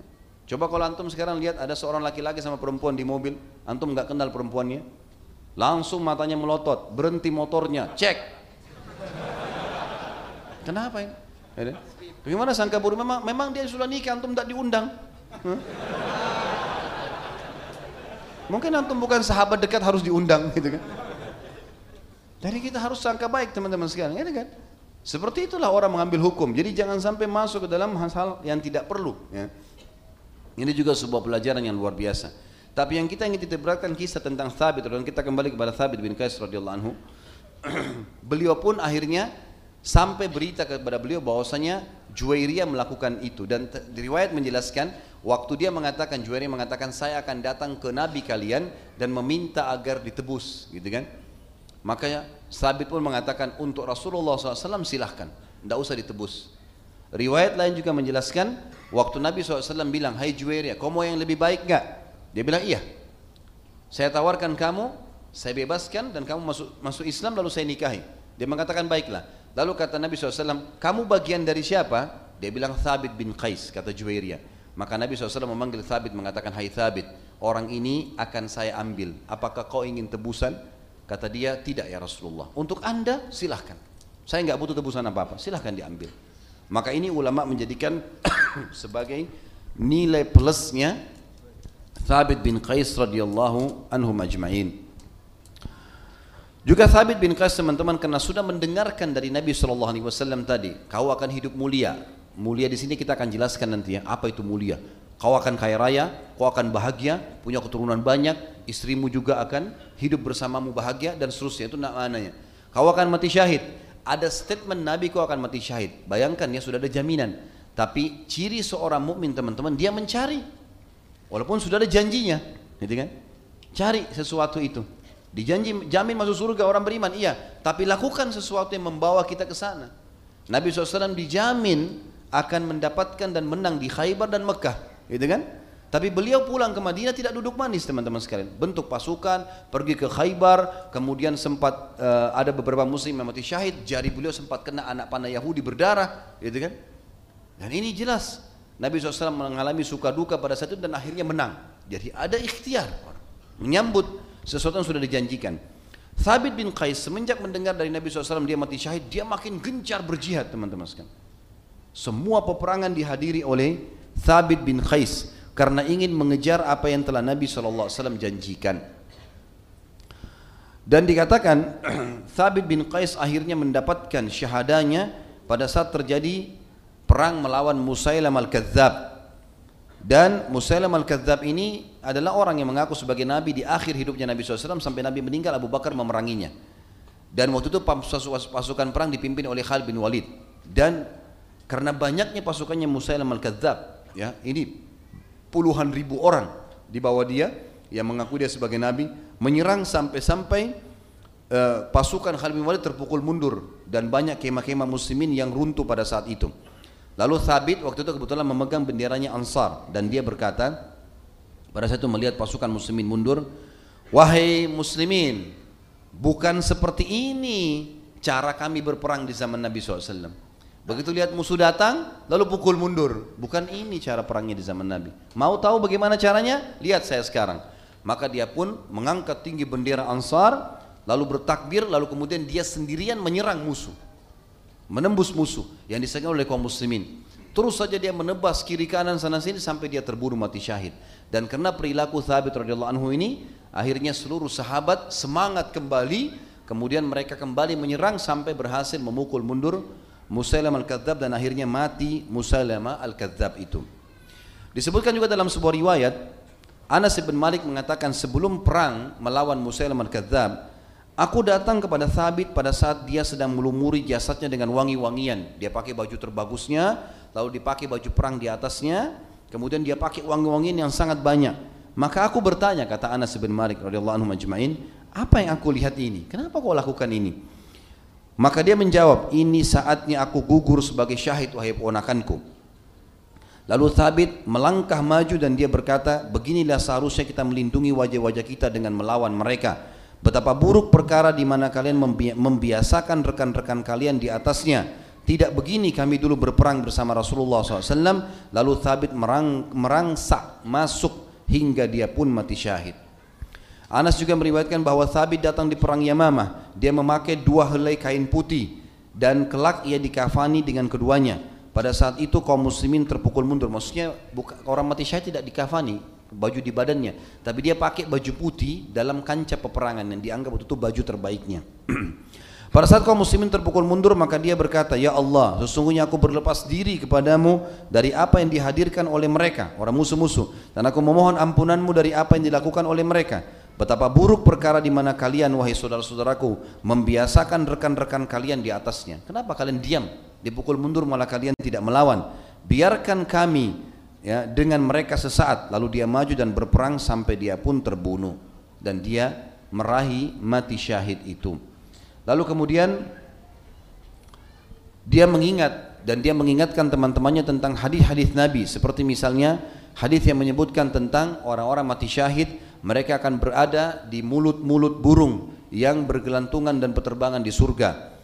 Dan juga menyebutkan tentang firman Allah surah An-Nisa ayat 69 A'udzu billahi minasyaitonir rajim ma'al ladzina an'ama Allahu 'alaihim minan nabiyyin was-siddiqin wasyuhada'i was-salihin wa hasuna ulaika rafiqa Aku berharap kata Thabit bersama dengan orang-orang yang diberi nikmat oleh Allah dari para nabi, siddiqin, syuhada dan orang-orang saleh.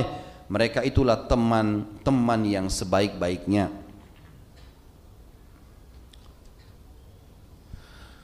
Pada saat itu dia pun mati syahid dan mati bersamanya sahabat dekatnya yang telah dipersaudarakan oleh Nabi SAW tadi ada Amar. Thabit juga di sini dikatakan pada saat dia meninggal eh, atau pada saat dia masih hidup maaf sempat Nabi SAW ditanyakan tentang Thabit dan orang Arab teman-teman kita sudah selesai dengan mati syahidnya masalah bab yang pasal yang lain pujian Nabi SAW tentang Thabit maka uh, orang Arab kalau mau menilai seorang laki-laki dia berkualitas tinggi atau enggak orang ini layak jadi sahabat atau enggak jadi suami atau enggak maka ditanyakanlah kepada orang-orang bijak. Dan kalau jawaban orang-orang bijak itu nikmar rajul nikmar rajul itu sebaik-baik sebesar nikmat yang sangat luar biasa pada disebutkan namanya misalnya. Seperti Nabi SAW mengatakan nikmar rajul Thabit ibn Qaisin bin Syammas Sebaik-baik laki-laki adalah Thabit bin Qais bin Sammas yang berarti adalah Thabit bin Qais adalah laki-laki yang paling layak untuk menjadi suami, untuk menjadi teman, untuk menjadi pemimpin, untuk menjadi murid, ya. Semua ini adalah untuk menjadi orang tua, dia adalah orang yang terbaik dan ini pujian langsung dari Nabi sallallahu alaihi wasallam. Thabit semasa hidupnya dia selalu melibatkan ketiga anak laki-lakinya, Abdullah, Muhammad dan Yahya dalam kancah peperangan dan dia berusaha mendidiknya dengan jihad sampai ketiganya pun semuanya meraih mati syahid dan ikut bersama ayahnya dalam setiap peperangan. Seperti biasa teman-teman sekalian kita akan bahas apa yang kita dapatkan manfaat dari hadis ini. Pertama berhubungan dengan manaqib. Kelebihan pribadinya Thabit radhiyallahu anhu. Yang pertama adalah Rasulullah SAW menjamin untuk beliau tiga hal dan ini sebuah fadilah yaitu dia pasti hidup mulia, dia pasti mati syahid dan dia pasti masuk ke dalam surga. Yang kedua, dia mendapatkan julukan khatibnya Nabi SAW dan sudah kita jelaskan tadi kisahnya awal dia menjadi khatib untuk Nabi SAW itu ada di halaman 209 sampai 211 bagian-bagian bukunya. Yang ketiga, dia termasuk yang pertama masuk Islam di tangan Musab ibn Umair. Ini juga sebuah fadilah ya. yang keempat dia adalah laki-laki yang taqi dan wara. Taqi adalah orang yang patuh dan wara adalah orang yang menjaga kesucian kehormatannya dengan Allah.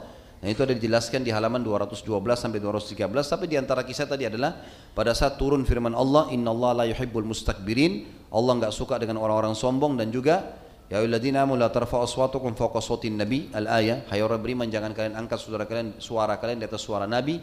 Maka Thabit bin Qais tidak keluar dari rumahnya beberapa hari. Lalu dia mengatakan aku pasti jadi penghuni neraka. Terus dia ucapkan dia sholat sholat di rumah pun pada saat itu. Dia kena ketakutannya. Sampai akhirnya Nabi SAW tanyakan kepada Sa'ad bin Mu'ad dan di, ternyata dia tetangganya lalu kemudian didatangi rumahnya oleh Sa'ad lalu dia menjelaskan kalau ya uh, saya sebenarnya adalah orang yang paling tinggi suaranya di hadapan Nabi SAW. Saya adalah orang yang menyukai keindahan maka saya takut saya masuk termasuk orang yang sombong. Uh, uh, dan ini adalah hal yang menakutkan buat saya. Saya takut saya masuk neraka. Maka waktu sampai kepada Nabi SAW, Nabi mengatakan dia bahkan penghuni surga. Ya, ini termasuk wara teman-teman. Ya. Jadi kalau datang satu peringatan dari Allah dan Rasulnya kita terima. Ini wara artinya menjaga kesucian hubungan dengan sang pencipta Allah subhanahu wa ta'ala. Yang kelima, dia mengikuti semua peperangan Nabi SAW termasuk Badr. Dan kita sudah pernah jelaskan perang Badr adalah perang yang sangat mulia dalam Islam.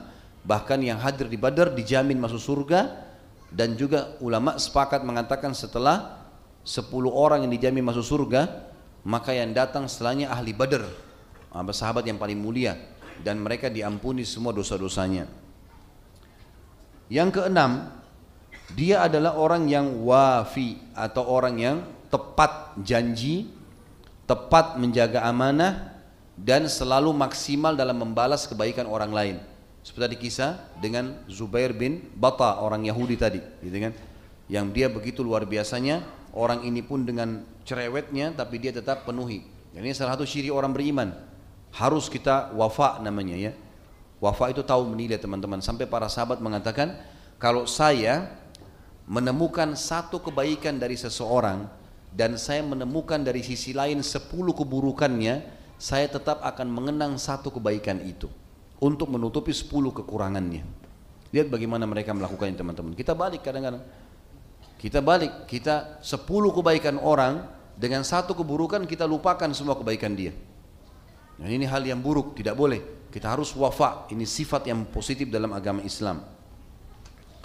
Kemudian yang ketujuh adalah Nabi SAW eh, dia mendahulukan Nabi SAW dari dirinya sendiri termasuk tentang kisah Juwairiyah padahal Juwairiyah ini anak raja wanita tercantik pada saat itu dan waktu Nabi SAW mau menikahi dia menghibahkan kepada Nabi SAW. Ya. Sebagian ulama hadis mengatakan bisa saja kalau dia mengatakan ya Rasulullah saya menginginkannya maka bisa saja Nabi SAW mengatakan baiklah digantikan dengan wanita yang lain juga. Gitu ya. Tapi dia tetap mendahulukan Nabi SAW dari dirinya sendiri. Dan ini bentuk keimanan mendahulukan Nabi SAW dari segala hal karena kata beliau SAW dalam hadis tidak akan sempurna iman seseorang dari kalian sampai dia menjadikanku dia lebih mencintaiku daripada dirinya, keluarganya dan hartanya. Kemudian yang kedelapan, kelebihannya adalah bagaimana dia mendapatkan mati syahid di perang Yamamah dan bagaimana dia memiliki adab dalam menghadapi mati syahid. Begini maksudnya. Saya pernah jelaskan kalau teman-teman yang biasa rutin ikut pengajian kita, sering saya bahasakan gini teman-teman, ada namanya adab. Adab itu kemasan. Kita boleh mengemas sebuah ibadah agar bisa punya nilai plus. Seperti misal, bangun sholat malam, kalau kita bangun sholat malam apa adanya, keringatan apa, ya sudah kita sholat saja. Sejadahnya kotor ya kita sholat saja. Sah sholatnya sah, selama nggak ada najis, selama syarat-syarat sholat dipenuhi. Tapi ada namanya kemasan, ada adab. Beda dengan orang yang dia bangun, dia mandi dulu, dia ganti bajunya, dia pakai minyak wangi, sejadahnya dibubui minyak wangi, dia minum teh hangat. Niatnya supaya sholat malamnya maksimal. Ini namanya adabnya, kemasannya. Dia dapat nilai pahala dari sholat malamnya, dia dapat pahala dari kemasan tadi. Orang sedekah beda orang orang minta kemudian dia kemudian keluarin aja berapa yang ada sudah dikasih. Dengan orang yang dari rumahnya dia sudah niat disendirikan uang, ada uang misalnya 50 ribu satu baru, satu sudah lecek misalnya maka yang baru itu disediakan khusus, ditaruh di kantong atas misalnya, ini kalau ada fakir miskin saya akan kasih. Itu adab kemasan namanya. Jadi dia mau dapat pahala lebih banyak di situ, gitu kan? Seperti itulah. Orang e, puasa boleh dia pada saat sahur membuat makanan yang bagus, ya, kan? yang nyaman. Ibu-ibu mungkin akhwat kita memasakkan yang nyaman supaya keluarganya, suaminya, anaknya merasa kuat, semangat bangun sahur dan puasa. Itu juga kemasan. Buka puasa juga begitu, sama, gitu kan? Sama semuanya, pakaian, makanan, rumah. Nanti akan kita jelaskan lebih jauh ya. Ada ada pelajaran yang kita ambil nanti tentang dari kalimat hidup mulia. Seperti apa sih hidup mulia itu? Nanti kita kita jelaskan. Jadi ini Thabit bin Qais mengemas ya mati syahidnya dengan cara membubuhi minyak wangi di badannya. Ya, orang mungkin di kancah peperangan sudah tidak terpikir ini kan. Orang di kancah peperangan berpikir bagaimana dia mati syahid walaupun dia ikhlas mau mengejarnya. Tapi dia bisa mengemas itu. Kemudian teman-teman sekalian yang kesembilan adalah pujian Nabi SAW kepadanya bahwasanya dia sebaik-baik laki-laki. Dan ini tidak semua orang Nabi SAW puji seperti ini. Artinya orang ini paling layak jadi ayah, jadi suami, jadi teman, jadi atasan, jadi bawahan, jadi murid, jadi guru. Semuanya masuk padanya. Orang ini paling layak gitu. Kemudian yang ke sepuluh adalah wasiatnya pada saat beliau akan meninggal dunia. Dan ini sebenarnya belum saya sebutkan memang ya. Tetapi saya akan ceritakan sekarang teman-teman sekalian. Pada saat beliau mati syahid, ternyata ada satu orang di pasukan muslim itu yang berkhianat teman-teman. Apa khianatnya dia? Dia rupanya melihat Thabit mati, kemudian dibunuh oleh musuh, waktu musuh sudah kalah, kan uh, baju perangnya muslim yang mati syahid tidak boleh diambil, ini bukan ghanimah. Dari musuh boleh diambil, itu pun dikumpul nanti dibagi rata oleh panglima kan. Tapi ini orang enggak, dia mengambil baju perangnya sabit, pedangnya, perisainya, diambil kalau kemudian disembunyikan sama dia. Subhanallah dengan hikmah ilahi, ini disebutkan tentu kisahnya diriwayatkan oleh Baihaqi di halaman 220 ya. Kalau yang pegang bukunya tentu.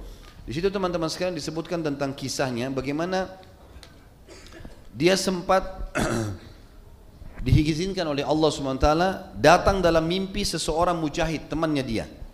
Lalu Thabit berkata kepada mujahid itu temannya, ketika aku terbunuh, seorang laki-laki dari kaum muslimin mengambil baju besiku. Dia menyembunyikannya, menimbunnya dengan bebatuan dan menutupinya dengan pelana. Datanglah ke Panglima Khalid bin Walid dan sampaikan itu padanya agar ini bisa diambil itu haram bagi dia nggak boleh diambil itu kalau diambil jadi haram buat dia sampaikan kepada Panglima Perang Khalid bin Walid untuk mengambil itu dari dia cirinya dia di kema ujung sana di ujung pasukan namanya si fulan disebutkan namanya tapi riwayat kita tidak disebutkan sini ada sebagian ulama menukil namanya dalam footnote penjelasan hadis ada orang itu di sana dia sembunyikan baju pedang saya, perisai saya, pedang saya disembunyikan di bawah di sebuah tempat ditutup sama batu, ditutup sama pelana gitu. Suruh Khalid bin Walid ambil itu, kembalikan kepada keluarga saya. Itu kan harus dikembalikan kepada keluarganya, bukan main. Kembalikan kepada keluarganya di Madinah. Dan jangan kamu berkata ini hanya mimpi. Thabit bin Qais dipesan sama orang ini, jangan kau bilang ini cuma mimpi. Ini peringatan benar. Allah telah izinkan saya datang kepadamu. Dengan begitu, ya, maka nanti kalau kau bilang ini cuma mimpi, kau akan menyanyiakannya dan Khalid bin Walid juga pimpinan akan menyanyiakannya. Lalu kemudian aku titip pesan padamu jika engkau telah tiba di Madinah katakan kepada Khalifah Rasulullah SAW Abu Bakar bahwa aku memikul utang sebesar ini dan sebesar ini. Hamba sahayaku fulan merdeka.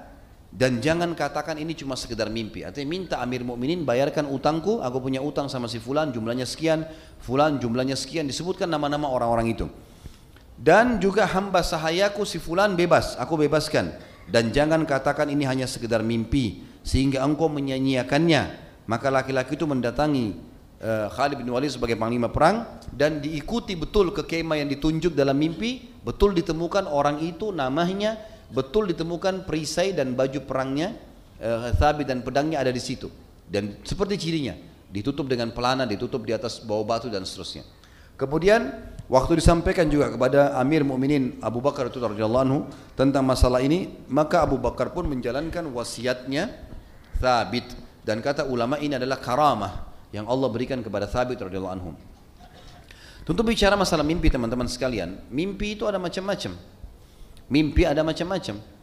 Tapi di antaranya kalau kita simpulkan ada hilim dan ada ru'ya. Hilim dari syaitan.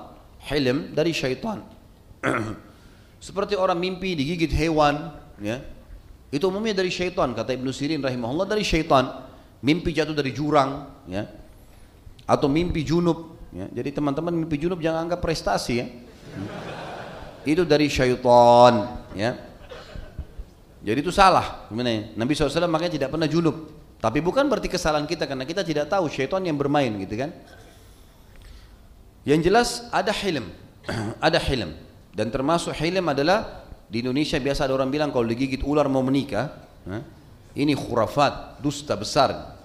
Ular itu simbol syaitan, gitu kan? Jadi nggak benar. Bagaimana kalau nenek 90 tahun mimpi digigit ular? Masa mau nikah, gitu kan?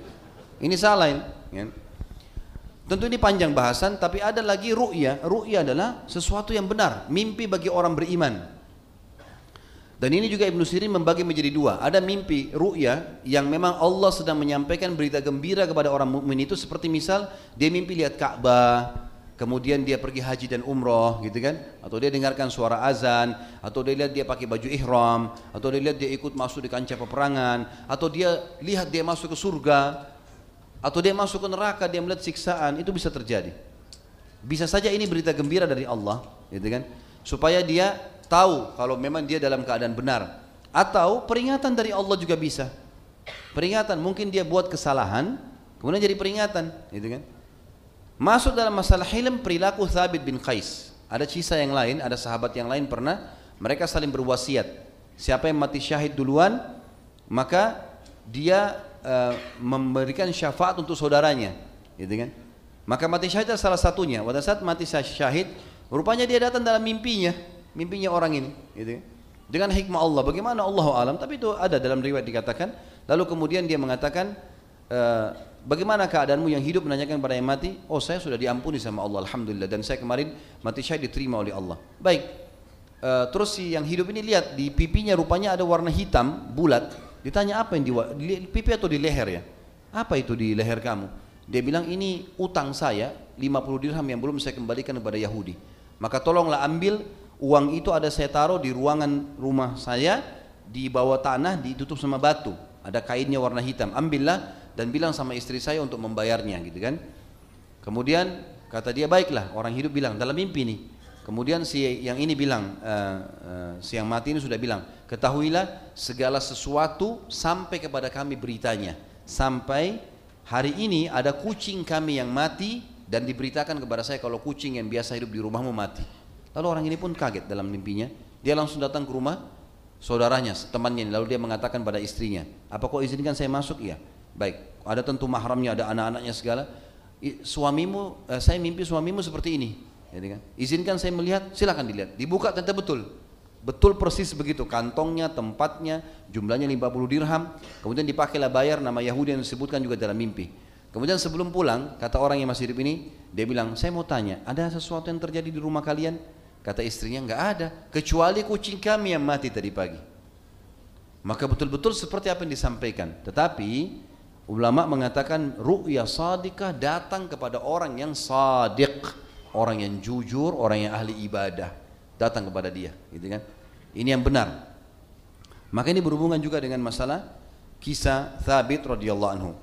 Sekarang kita tutup teman-teman sekalian dengan ad-durus wal ibar, pelajaran-pelajaran yang bisa kita ambil. Yang pertama, bagaimana kedudukan para sahabat yang semestinya dijadikan sebagai rujukan bagi kaum muslimin. Mereka mengikuti kisahnya, mereka mengambil mereka menciplak perilaku-perilaku fadilah amalnya supaya mereka bisa mengerjakan yang sama gitu kan. Dan mereka juga mengambil pelajaran dari eh, kesalahan-kesalahan kalaupun ada terjadi bagaimana mereka meminta maaf dari kesalahan itu. Yang kedua teman-teman sekalian, di sini ada khusus tentang fadilah khatib ya. fadilah khatib ya untuk menjadi khatib. Dan kalau bicara masalah khatib teman-teman karena ini adalah julukannya khatibun Nabi sallallahu alaihi wasallam maka kita perlu tahu khatib ini dalam Islam ada syarat-syarat ada syarat-syarat gitu kan menjadi khatib. Saya akan sebutkan di antara syarat untuk menjadi khatib disebutkan oleh para ulama saya rangkumkan karena banyak sekali. Di antaranya adalah dia muslim, maka dia menjadi khatib, ya. Semua khatib harusnya muslim dan tidak layak mendengarkan khatib yang bukan muslim, terutama berhubungan dengan masalah penyampaian agama. Jadi di sini kita ambil pelajaran teman-teman tidak benar orang yang bilang seperti sekarang banyak mahasiswa muslim semoga Allah kasih hidayah, kita mau belajar Kristen tapi langsung dari sumbernya, belajar dari pendeta. Ya. Atau seperti sekarang orang mengatakan kita pelajari Syiah langsung dari ulama-ulamanya. Gimana caranya? Kita nggak perlu itu semua. Kita sudah cukup tahu ini nggak benar, jangan diikutin. Karena bisa jadi fitnah. Makanya waktu Ali bin Abi Thalib radhiyallahu anhu ini pelajaran besar teman-teman sekalian. Ali bin Abi Thalib dari sejarah perlu kita belajar. Ali bin Abi Thalib radhiyallahu anhu waktu mau mendakwahi kaum Khawarij, mendakwahi kaum Khawarij, beliau tidak memanggil Khawarij datang ke lokasi pasukan muslimin. Tapi beliau mengutus ke sana ke pemukiman mereka, perkemahan mereka, pasukan mereka Abdullah bin Abbas radhiyallahu anhu. Sahabat Nabi yang berilmu datang ke sana dakwahi. Maka banyak di antara mereka yang sadar dan kembali. Kenapa Ali bin Abi Thalib tidak panggil mereka saja? Kayak kita misalnya kita panggil orang-orang yang pemahamannya salah, ayo datang ke majelis kita nih, biar kita dialog. Jangan. Karena kalau dia pintar lisannya, dia bisa bolak-balikan fakta, maka antum bisa terpengaruh. Kan gitu. Bisa terpengaruh, kita akan mengatakan, oh benar ya, ada benarnya perkataannya. Padahal mungkin dia mungkin liberal, orang sekuler yang banyak membolak-balikan fakta-fakta ayat Al-Quran dan hadis Nabi SAW. Ini nggak boleh. Nggak boleh kita dengarkan teman-teman sekalian, gitu kan? Maka ini penting untuk digarisbawahi. Harusnya dia seorang muslim. Tentu berbeda kalau misalnya kita belajar materi umum, kemudian dosennya atau gurunya orang non muslim, pelajaran tentang umum saja, tidak ada hubungannya dengan agama itu masih boleh saja, gitu kan?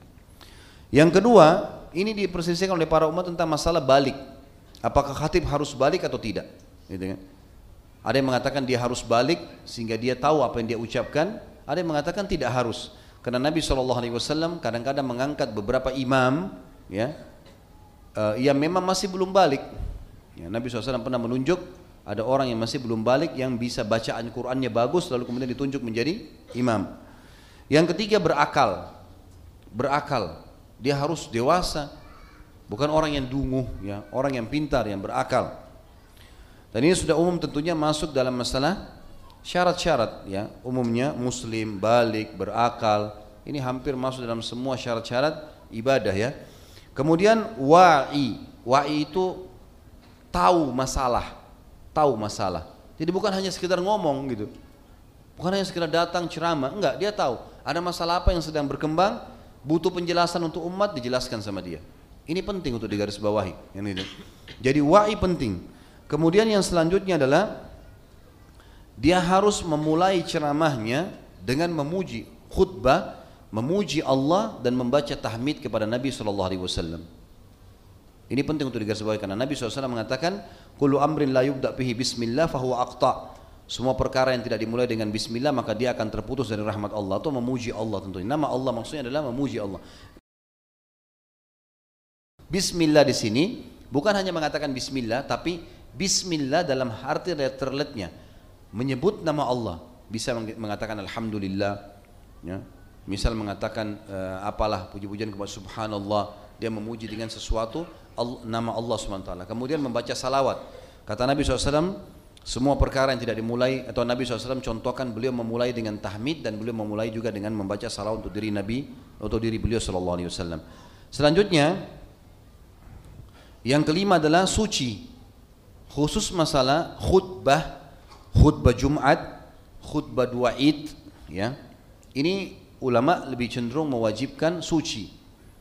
Karena khutbah, kalau khutbah Jumat misalnya, itu dianggap adalah pengganti dua rakaat sholat duhur pengganti pengganti dua rakaat sholat duhur gitu kan kalau khutbah id ini ulama mengatakan karena juga dia rangkaian sama dianggap bagian daripada itu karena Nabi SAW menyuruh seluruh muslimin di Madinah pada saat Idul Fitri untuk keluar walaupun yang berhalangan dan mereka mendengarkan khutbah dan khatibnya di sini dianjurkan bersuci Kemudian yang selanjutnya yang keenam adalah menutup aurat. Ini sudah umum dan Imam Syafi'i rahimahullah menekankan ini sebagai rukun yang sangat penting.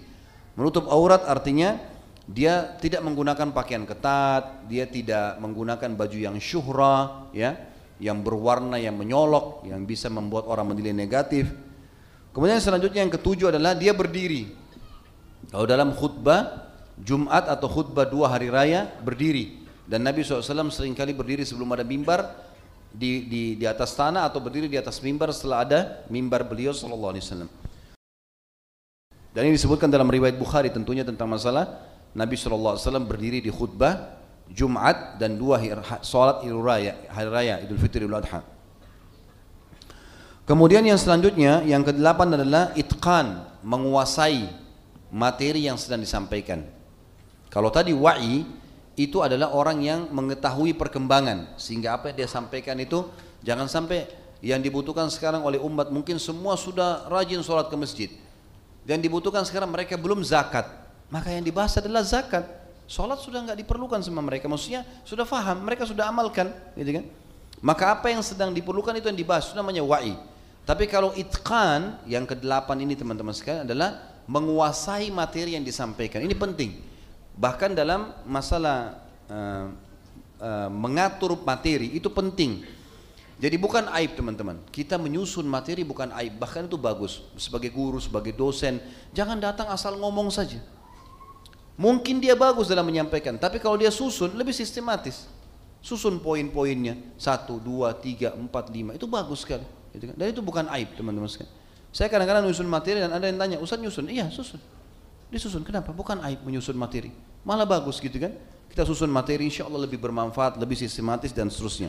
Ini namanya itqan, menguasai itu, ya, bidangnya, diambil dari dalil yang benar. Kemudian yang kesembilan adalah ikhlas, ya. Tentu ini bisa dijadikan poin pertama ya, tapi saya ngambil umumnya, ya. Ikhlas tentu kita sudah tahu harusnya dia menyampaikan dengan ketulusan. Kemudian yang selanjutnya, yang keberapa? Sebelas ya.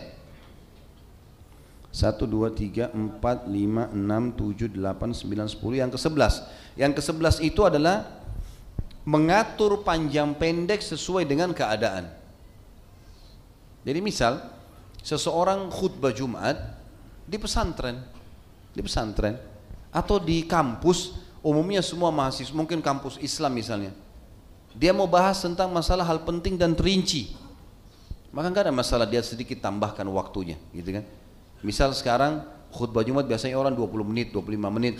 Mungkin dia tambah sampai 35 menit, 40 menit. Memang karena dilihat penting untuk dibahas. Audiensnya wajar, bisa menerima. Ini bijak di sini. Tapi dia tidak boleh teman-teman melakukan itu kalau di tempat umum yang memang dia anggap orang-orang ini malah saja masalah, gitu kan? Mungkin dia lagi khutbah di belakang sana ada yang teriak, belakang sana ada yang pukul celengan, ada segala macam. Atau mungkin mengucapkan kata-kata yang tidak santun. Ini tidak boleh. Makanya kata Nabi Wasallam di dalam masalah ini sesungguhnya termasuk fikih fikih pemahaman yang baik dari seseorang adalah dia memendekkan khutbahnya, maksudnya mengatur waktu yang tepat dan dia memanjangkan sholatnya. Kalau berhubungan dengan masalah Jumat dan dua hari raya. Tinggal teman-teman sekalian kalau Jumat itu khutbahnya dua duduk, dua berdiri dua kali khutbah. Pertama khutbah, kemudian duduk istirahat, kemudian khutbah lagi. Ini hadis Bukhari menjelaskan.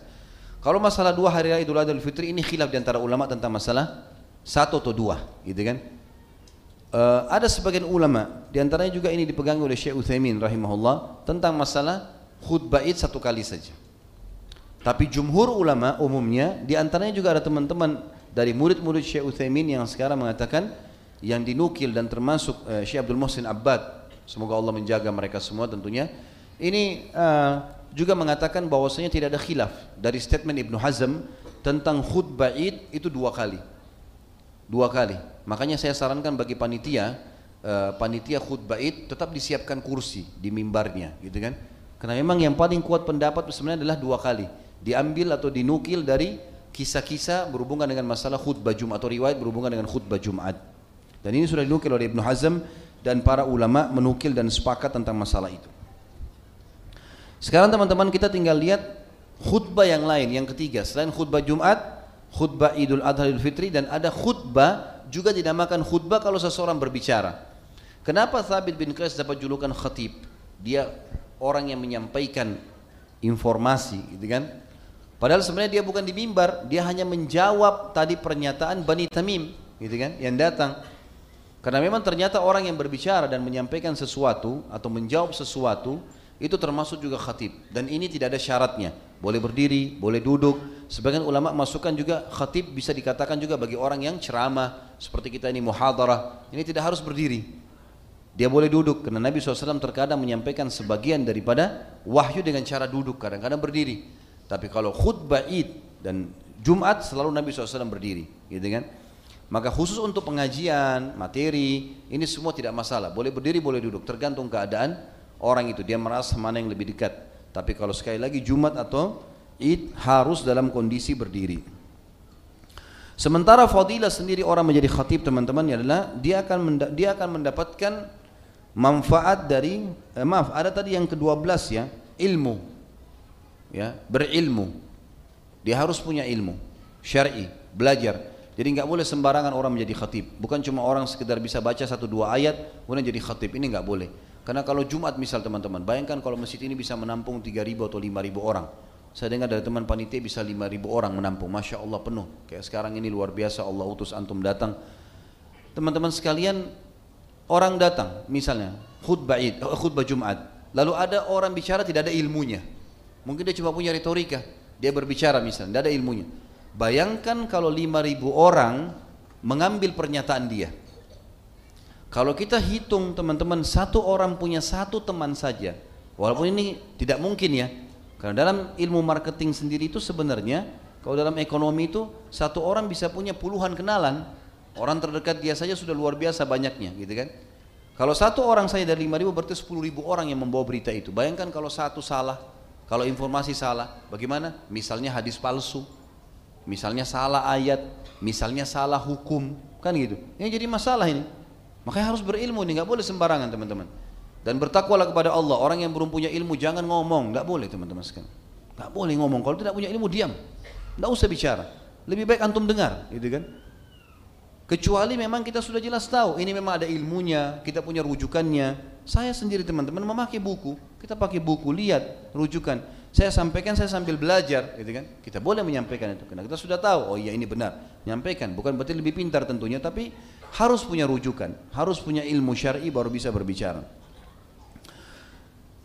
Orang yang jadi khatib, dia akan mendapatkan dua manfaat besar. Yang pertama, dia panen pahala dari menyampaikan agama Allah dan ilmu yang benar.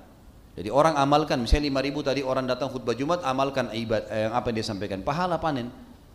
Dan yang kedua adalah dia mendapatkan perbaikan kesalahan yang terjadi dan penolakan terhadap maksiat yang menyebar.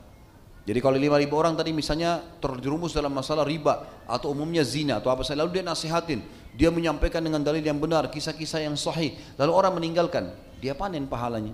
Jadi dia panen pahala penyampaian ilmu, dia panen pahala juga dalam perbaikan kesalahan-kesalahan yang ada terjadi di tengah-tengah masyarakat. Selanjutnya teman-teman sekalian, kita pindah ke masalah faedah yang ketiga. Jadi itu faedah yang pertama kedudukan para sahabat. Faedah yang kedua adalah kedudukan ilmu dan khatib.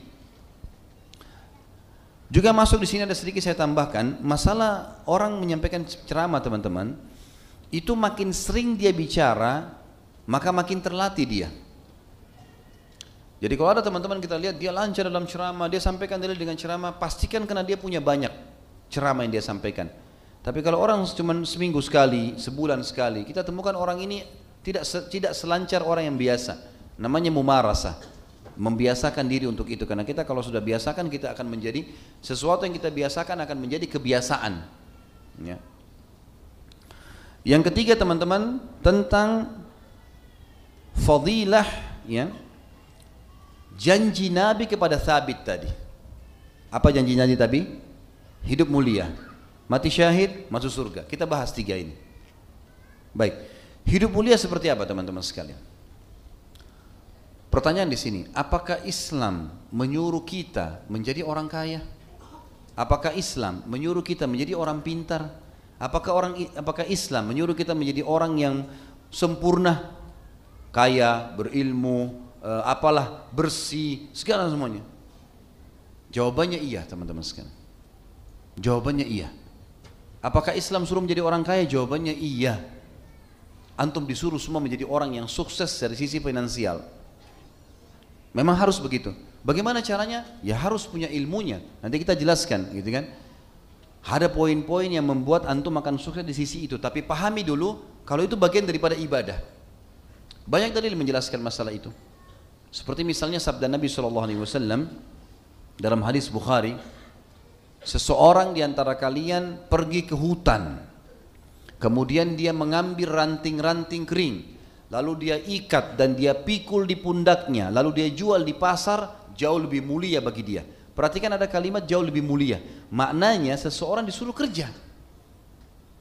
Dia pergi ke hutan jauh, ngumpulin ranting-ranting kering, tapi itu bisa membuat dia mulia.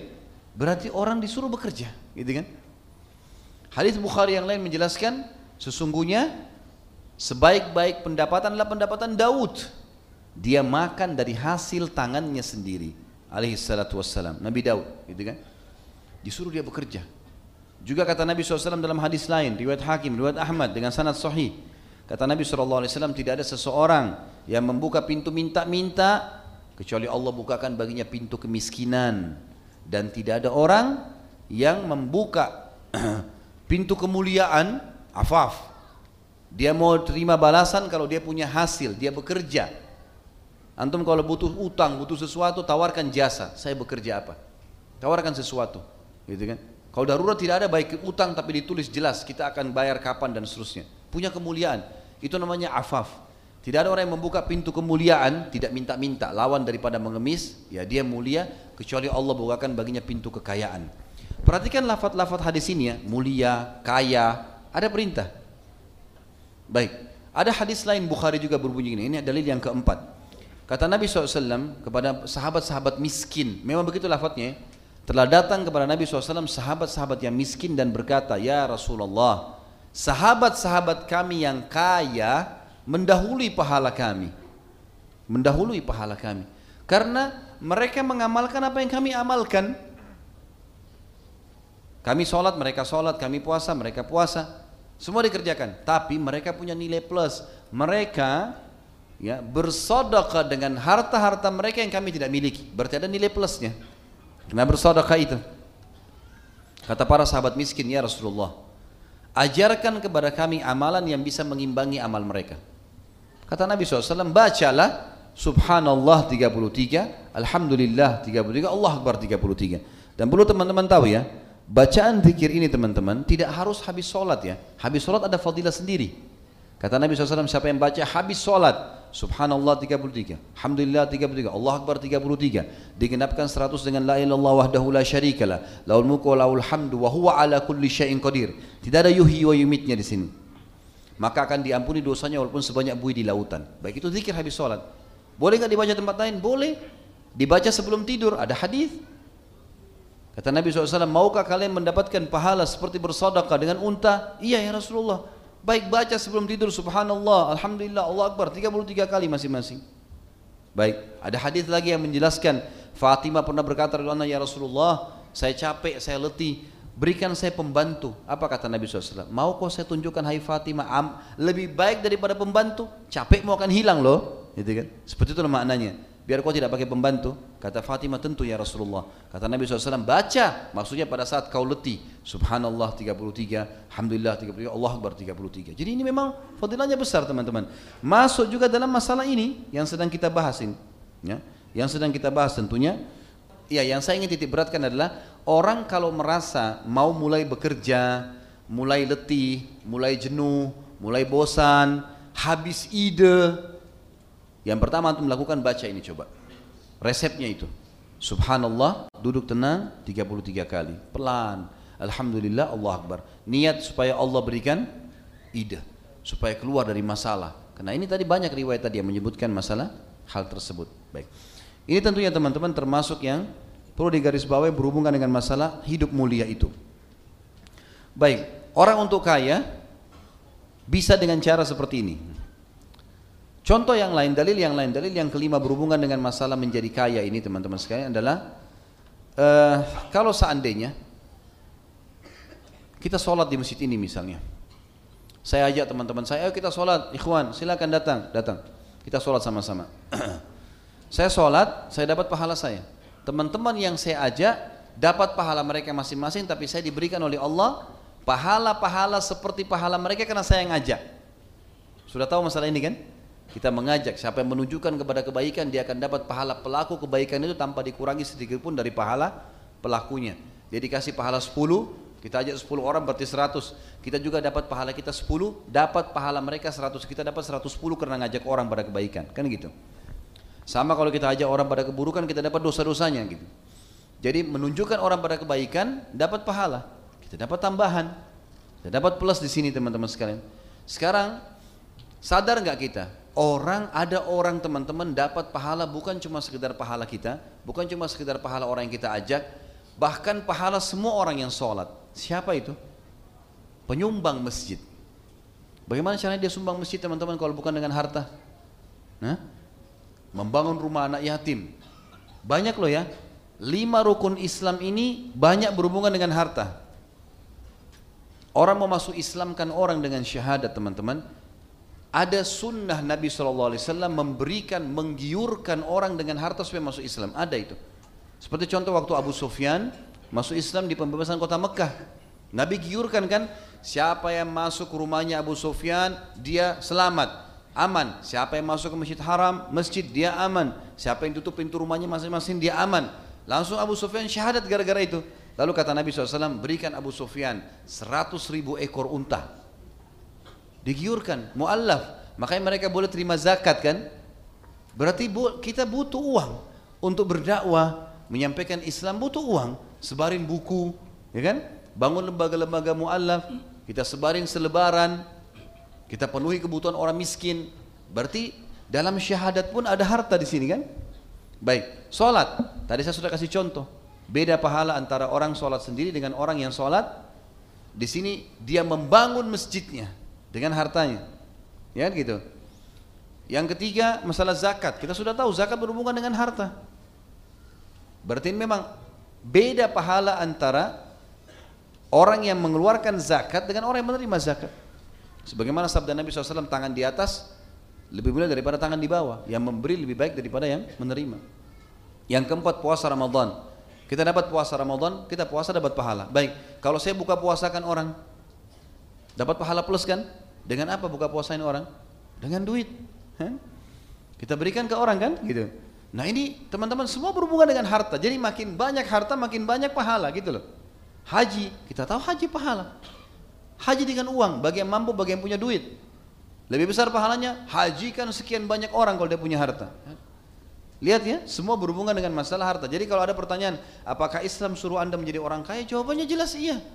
Dan ada banyak dalil. Tadi di antaranya cuma lima ini yang saya sebutkan, gitu kan? Mungkin masih banyak yang lain yang mungkin tidak terlintas di benak saya sekarang. Gitu. Jadi teman-teman memang kita disuruh mengejar prestasi dan Islam boleh bahkan menganjurkan kita mengejar prestasi tertinggi, pendapatan, pendidikan, gitu kan, jabatan boleh, selama tidak melanggar hal-hal agama yang dilarang dalam agama, gitu kan? Sama dengan kita mendapatkan yang terbaik dari fasilitas. Mobil, rumah, boleh enggak? Saya punya duit, saya mau beli, cukup untuk saya beli mobil harga 400 juta. Tapi ada mobil 200 juta. Sekarang kalau saya beli yang 400 juta sementara saya punya kemampuan dan itu lebih bagus kualitasnya. Salahkah saya secara agama? Tidak, malah pahala teman-teman. Karena menikmati apa yang sedang Allah kasih, Masuk dalam hadis Nabi SAW riwayat Abu Daud, Inna Allah yuhibbu an yara ni'ami ala abdi. Allah sangat suka melihat bekas nikmatnya pada hambanya. Gitu kan? Ini sekaligus membantah teman-teman sekalian banyak orang yang menukil orang itu harus hidup zuhud. Apa itu zuhud? Tinggalkan dunia untuk akhirat. Keliru definisinya. Zuhud mendahulukan akhirat dari dunia. Ingat, pimpinan orang-orang zuhud Abu Bakar, Umar, Uthman, Ali. Ini orang-orang kaya ini. Tapi mereka mendahulukan akhirat, hartanya habis diinfakkan di jalan Allah. Tapi sambil mereka nikmati. Dikatakan Rasulullah SAW pernah tidak mas, tidak ada api di rumah beliau selama sebulan. Ada hadis Bukhari, Aisyah berkata, kami demi Allah pernah sebulan tidak pernah menyalakan api di rumah. ada orang mengatakan, berarti Nabi sendiri memang kelaparan. Sebentar, jangan itu pemahamannya. Lihat sisi positifnya. Kenapa di situ Nabi tidak bakar tidak biarkan istrinya masak, ada jawaban Aisyah mengatakan, dan kami hidup dengan aswadain, air dan kurma. Ulama yang menilai positif di sini mengatakan apa? Berarti Nabi SAW lagi terapi kesehatan, konsumsi air dan kurma, bukan Nabi kelaparan. Nah, ini perlu difahami. Hadis lain yang dijadikan sebagai syubhat, Nabi SAW pernah keluar rumah, pulang rumahnya lalu bertanya, Hai Aisyah ada makanan enggak? Enggak ada. Kalau gitu saya puasa. Berarti Nabi tidak punya makanan di rumah. Sebentar. Faham yang benar dengan ilmu syariah yang benar. Yang dimaksud adalah apakah sekarang kau punya masakan siap hai Aisyah? Ada makanan bisa saya makan langsung sekarang? Tidak ada ya Rasulullah. Bukan berarti tidak ada makanan sama sekali. Kan gitu. Tapi belum siapnya untuk pada saat itu. Maka Nabi bilang kalau gitu lebih baik saya puasa. Jadi perlu difahamin teman-teman sekalian. Ini jangan salah faham. Nabi SAW memiliki kuda terbaik di Jazirah Arab. Bahkan Nabi memiliki beberapa tunggangan.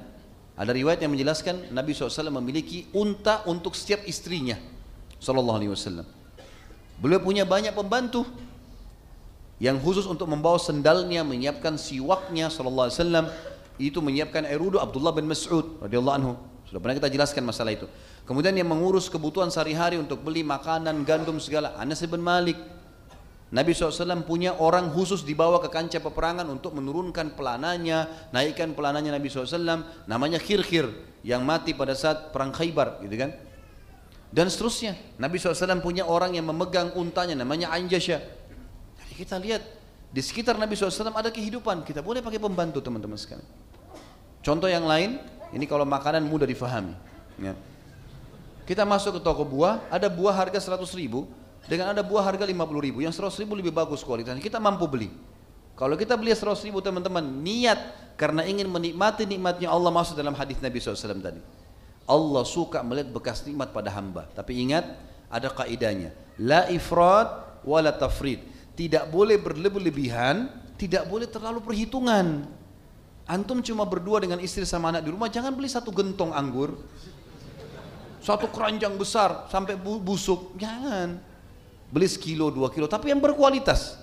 Karena istilah halal dan tayyib harus berhubungan. Halal yang boleh tayyib yang berkualitas. Kan gitu? Dan ini penting digarisbawahi teman-teman sekalian ya. Supaya orang tidak salah paham jadi jawaban apakah kita boleh memakai baju yang bagus kita menggunakan kendaraan yang bagus kita punya rumah yang bagus? Iya. Jawabannya iya. Dan itu boleh dalam Islam. Selama mampu dan jalannya benar gitu kan tinggal kita berusaha toh teman-teman yang sukses itu punya waktu 24 jam sama dengan kita punya dua kuping, punya dua tangan, punya dua. Kenapa dia bisa kita nggak bisa? Pelajari dong, cari tahu tentang kenapa dia bisa, gitu kan? Kita akan sama kok. Kalau target kita teman-teman 10, misal nilai lulus nilai prestasi tertinggi 10. Antum kalau kejar nilai 10, minimal kita jadi 9 atau 8. Enggak jauh dari 10 lah. Tapi kalau nilai angka lulus 6, kita targetnya 6, bisa jadi 5. Bisa enggak lulus, gitu kan? Jangan nyesal sudah orang yang sudah lewat sekarang apa boleh buat. Hmm. Orang-orang yang sudah malas belajar dulu di kampus begitu, gitu kan? Mesti jangan target nilai yang terendah, nilai yang tertinggi. Kita tidak jauh dari situ nanti. Prestasi bisa dijangkau. Saya punya pengalaman banyak secara pribadi yang saya akhirnya jadikan semua teman saya harus orang berprestasi. Saya kalau ada satu masalah saya selalu coba jadikan diri saya harus saya terbaik dan Allah mudahin bisa kok gitu kan? Bisa. Ini kok teman saya bisa lulus cum laude ya? Saya juga harus bisa. Kenapa dia bisa? Saya nggak bisa. Saya coba belajar. Berhasil kok, gitu kan? Kenapa orang ini bisa begini? Saya nggak bisa. Saya harus bisa. Kenapa orang ini bisa ini? Kita pelajari. Selama itu boleh dalam agama boleh dikejar prestasi dan Allah akan memberikan sesuai dengan niat dan usaha hambanya. Antum malas ya sudah, tidak akan dapat, gitu kan? Sama pertanyaan tadi itu prestasi. Bolehkah orang memiliki mengurus fisik dengan baik? Boleh. Sunnah Nabi SAW. Allah kasih kita rambut teman-teman sekalian. Apa kata Nabi SAW? Man kana lahu syar fal yukrim. Siapa yang punya rambut dia hormati. Sisir rapi, dicukur dengan rapi. Tapi anggap jangan langgar agama. Nabi SAW bilang jangan kaza. Ya, kaza itu orang di sini bundul, di sini ada rambutnya, di sini gundul. Enggak jelas ini. Ini, ini nggak boleh. Dilarang dalam agama. Potong sejajar semuanya rapi, gitu kan? Orang pakai baju yang bersih, orang pakai wangi-wangian, dia merawat dirinya, dia olahraga supaya dia sehat. Akhwat kita mungkin menjaga, merawat dirinya dengan hand body, dengan halal yang boleh. Sehingga melihat tubuhnya lebih cantik di depan suaminya. Semua ibadah itu. Semua ibadah. Berarti kita pertanyaan gabungannya, apakah kita disuruh menjadi orang sukses? Jawabannya iya. Dalam segala hal. Dan semua ada nilai pahalanya. Ini teman-teman termasuk yang masuk dalam masalah hidup mulia. Karena kan Nabi bilang hiduplah mulia. Dan ini doa ini juga Nabi SAW ajarkan kepada kita pada saat teman kita pakai baju baru. Kan kita doakan kan? Ya. Ilbis jadi dan wa ish hamidan wa mut syahida. Semoga kau selalu pakai baju baru, semoga hidupmu hamid, mulia dan semoga pada saat kau mati kau mati syahid. Kita disuruh doakan itu. Kita disuruh doakan seperti itu. Jadi ini sebuah prestasi teman-teman. Jadi semua muslim harus hidup mulia. Dan hidup mulia artinya mengejar prestasi tertinggi semampu antum. Harus ini. Jangan bermalas-malasan gitu kan. Yang terbaik selalu. Dan semua kita bisa. Di sini masuk dalamnya teman-teman mencari rezeki yang halal, menikah dengan pasangan yang paling sempurna menurut kita, kemudian mengikuti pendidikan yang tertinggi dan terbaik, menyibukkan diri dengan berteman dengan sahabat-sahabat yang berprestasi, ini semua bisa membawa kepada kehidupan yang mulia tadi. Tentu puncaknya teman-teman sekalian adalah beriman kepada Allah dan beramal saleh. Ya. Saya sebutkan di sini kurang lebih ada uh, enam poin bagaimana seseorang bisa sukses ya. Beranjak daripada firman Allah Subhanahu wa taala yang berbunyi A'udzu billahi minasyaitonir rajim Man amila salihan min dzakarin aw untha wa huwa mu'minun falanuhyiyannahu hayatan thayyibah wa lanajziyannahum ajrahum bi ahsani ma kanu ya'malun Siapa yang beramal saleh dari laki-laki dan perempuan dia mengikuti peraturan-peraturan Allah namanya beramal saleh. Dari laki-laki dan perempuan dan dia beriman kepada Allah maka pasti kami akan hidupkan dia dengan kehidupan yang mulia. Hayatan thayyibah kata ulama tafsir adalah hidup yang sempurna yang dipenuhi semua kebutuhannya bahagia tentram makmur dan seterusnya. Dan kami pasti akan membalas seluruh perbuatan mereka dengan pahala yang paling baik sesuai dengan apa yang mereka kerjakan maka ada lima poin dari ayat ini yang pertama iman kepada Allah dia beriman kepada Allah. Yang kedua beramal saleh. Tentu dengan belajar akhirnya dia bisa tahu mana yang amal soleh, mana yang dosa sehingga dia kerjakan amal soleh sibukkan diri dengan itu dan ditinggalkan dosa-dosa. Yang ketiga dia punya ilmu di bidang yang dia sedang dalami. Antum mau jual buka restoran, pelajari tentang restoran. Antum mau buka tentang butik, pelajari tentang butik. Gampang, tinggal baca bukunya, belajar. Enggak ada kata-kata batas untuk belajar ya. Sampai detik terakhir kita mau meninggal teman-teman masih bisa belajar. Belajar. Belajar. Ya. Hilangkan sifat-sifat malas itu teman-teman sekalian. Belajar. Contoh kecil HP yang kita pegang. Apakah antum sudah belajar semua apa yang dalam HP itu? Biasanya kita cuma pakai model saja. Oh ini baru keluar, yang sudah penting tampil dengan orang. Selalu tak cirinya kalau duduk duduk sama orang dipamer dulu HP-nya. Hmm. Sudah tahu belum isinya apa itu apa manfaatnya? Bisa dipakai apa? Itu kan ilmu, harusnya dia belajar di bidangnya. Kemudian yang keempat teman-teman itqan atau dia menguasai bidangnya. Ya, seperti tadi ada hadis Nabi SAW yang berbunyi Allah mencintai seorang hamba yang menguasai bidangnya atau dia profesional dalam mengerjakan itu. Ya. Kemudian yang kelima adalah dia membentuk lingkungan dan teman-teman yang sehat. Ingat, berteman dengan orang yang sukses kita sukses. Berteman dengan orang yang malas kita malas.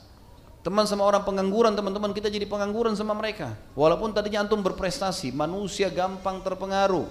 Tinggalkan semua orang-orang yang buruk nih orang dungu, orang bodoh, orang malas, ini orang yang jauh dari ibadah, yang suka ganggu orang maksiat ini semua tinggalkan. Antum menjadi manusia yang terbaik. Gitu. Ini harus dikejar. Bentuk lingkungan yang baik. Kemudian yang keenam adalah tidak putus asa dari kegagalan. Karena sebenarnya prestasi keberhasilan pada saat seseorang itu dia bisa tetap maju pada saat ada peluang dan pada saat peluang juga sudah tidak ada. Itu ulama mengatakan, jadi dia sebenarnya di situ prestasinya. Jadi tidak selamanya tidak selamanya kita sehat, tapi ada sakit. Dan tidak selamanya kita muda, ada tua. Tidak selamanya kita kaya, akan ada miskin. Ada orang kalau teman-teman bisnis, kemudian dia mengatakan misal, selama 10 tahun perusahaan saya tidak pernah rugi. Ini tidak normal nih. Antum tanya orang-orang pebisnis, saya punya perusahaan dari tahun 2003 saya bentuk teman-teman sekalian, ekspor impor ke Saudi, kita naik turun biasa. Ada saja barang datang, kita jual untung, benar, bagus. Ada saja enggak turun, pesanan kurang, suka duka. Ada saja rugi, ada saja pegawai berhenti, ada saja pegawai prestasi masuk, ada saatnya penaikan gaji, ada ada ada banyak. Memang sudah begitu. Tapi jalan, gitu kan? Tapi jalan. Jadi jangan menghayal tiba-tiba langsung jadi prestasi tinggi dalam waktu yang pertama. Itu sulit, nggak mungkin. Orang memang merangkak teman-teman sekalian. Wajar itu. Dan itu proses. Kalau bahasa saya sebenarnya adalah jangan eh, nikmatilah proses itu. Nikmati proses itu. Proses apa pun nikmati teman-teman. Kita kalau nikmati proses itu enak sekali. Seperti orang kalau sholat, dia lagi sholat, dia nikmati proses sholat itu. Rukuknya, sujudnya, dia rasa nyaman tuh. Dia lagi makan, tidak usah pikir yang lain. Saya lagi makan, makan sekarang. Jangan lagi makan, bunyi telepon angkat, ngomongnya mau nggak nggak jelas. Gimana caranya? Lagi makan terus terima telepon, nggak jelas lah. Jangan dulu terima, makan, fokus, gitu kan? Itu jauh lebih baik. Begitu makanan faham ya? Hmm. Baik. Itu di antaranya teman-teman. Tentu ini banyak bahasannya, tapi saya coba berikan garis umum saja. Kemudian yang kedua, Nabi SAW mendoakan mati syahid dan ini target seorang muslim. Mulai detik ini teman-teman, niat kepada Allah SWT dengan tulus supaya pada saat mati mati syahid dan jangan takut, jangan takut. Orang yang mati teman-teman sekalian, yang dia rasakan adalah sakaratil maut, malaikat cabut ruh. Enggak ada yang lain. Jangan antum terpengaruh dengan pemandangan. Ada orang ditabrak kereta api kepalanya hancur. Ada orang tenggelam di lautan dimakan ikan nggak ditemukan sepotong pun badannya. Ada orang naik pesawat meledak nggak ditemukan hangus.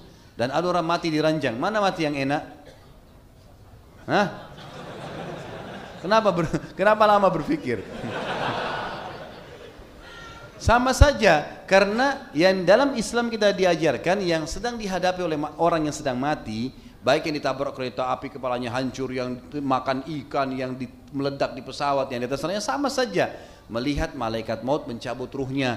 Yang ditabrak kereta api nggak lagi bilang, aduh kepala saya hancur, nggak lagi, aduh panasnya api, nggak ada. Itu yang penting di garis bawah. Jadi tidak perlu takut mati itu, gitu kan?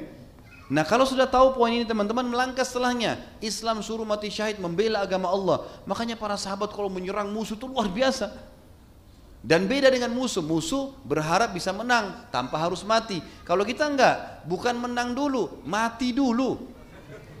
Iya, jadi mujahid itu masuk medan perang yang dicari mati dulu. Mereka berlumba-lumba. Sahabat itu begitu pecikan takbir diucapkan, mereka berlumba-lumba di saat pertama menyerang musuh. Berharap. Dan teman-teman sekalian sekali lagi, apa yang terkena di tubuh seorang mujahid yang mati syahid tidak terasa. Tidak terasa, gitu kan? Makanya target itu. Toh kita juga akan mati dan mati kita teman-teman bukan karena kita di kancah peperangan, tapi mati karena ajal sudah datang. Makanya Khalid bin Walid radhiyallahu anhu seorang mujahid yang terkenal sampai dapat julukan pedangnya Allah yang terhenus, gitu kan? Tapi beliau mati di atas ranjang. Beliau mengatakan, demi Allah tidak ada sedikit pun tempat di badan saya kecuali ada sabetan pedang atau tombak, hantaman tombak atau atau anak panah. Semua badannya kena luka semuanya, nggak ada tempat sedikit pun dia bilang tapi hanya saya mati seperti wanita, matinya wanita. Beliau tidak mati syahid di medan perang. Beliau mati di rumahnya, gitu kan? Lihat bagaimana Allah SWT memilih dan memang teman-teman orang mati syahid di kancah peperangan adalah orang yang memang paling ikhlas niatnya. Kata ulama siapa pun yang mati di kan, masuk kancah peperangan, tidak usah mimpi dia mati kecuali dia orang paling ikhlas dan berharap. Karena memang Allah memilih siapa di antara mereka yang layak untuk mendapatkan syahadah. Nabi SAW menjelaskan pada saat beberapa syuhada Badr mati, beliau mengatakan pada saat jenazahnya dikuburkan, teman-teman kalian ini semua sekarang sekarang sedang meminta kepada Allah, sedang berbicara dengan Allah. Dan mereka berkata, "Ya Allah, kembalikan kami ke dunia karena kami ingin perang lagi, mati lagi." Jadi bukan kembali untuk ketemu istri, ketemu anak, kembali kerjaan, makanan favorit, bukan Kembali, mak, kalau dia sudah lihat nih apa yang Allah janjikan, dia kembali mati, kembali hidup, berperang supaya dibunuh lagi. Hanya itu, karena luar biasa ya, karunia Allah berikan. Lalu Allah mengatakan sudah menjadi hukumku tidak akan ada pernah yang kembali. Lalu mereka berkata, ya Allah kalau begitu sampaikan kepada saudara-saudara kami yang belum menyusul kami agar mereka nggak usah takut, nggak usah sedih, mati aja di jalan Allah. Sudahlah, nggak usah ragu, gitu kan? Itu pun belum tentu dia mati loh ya kalau dia masuk aja belum tentu dia mati. Kalau dia ikhlas Allah kasih dia mati itu. Ya. Maka turunlah firman Allah SWT, A'udhu billahi minasyaitan rajim, wa la tahsabanna alladhina kutilu fi sabilillahi amwatan bal ahya'un yurzakun.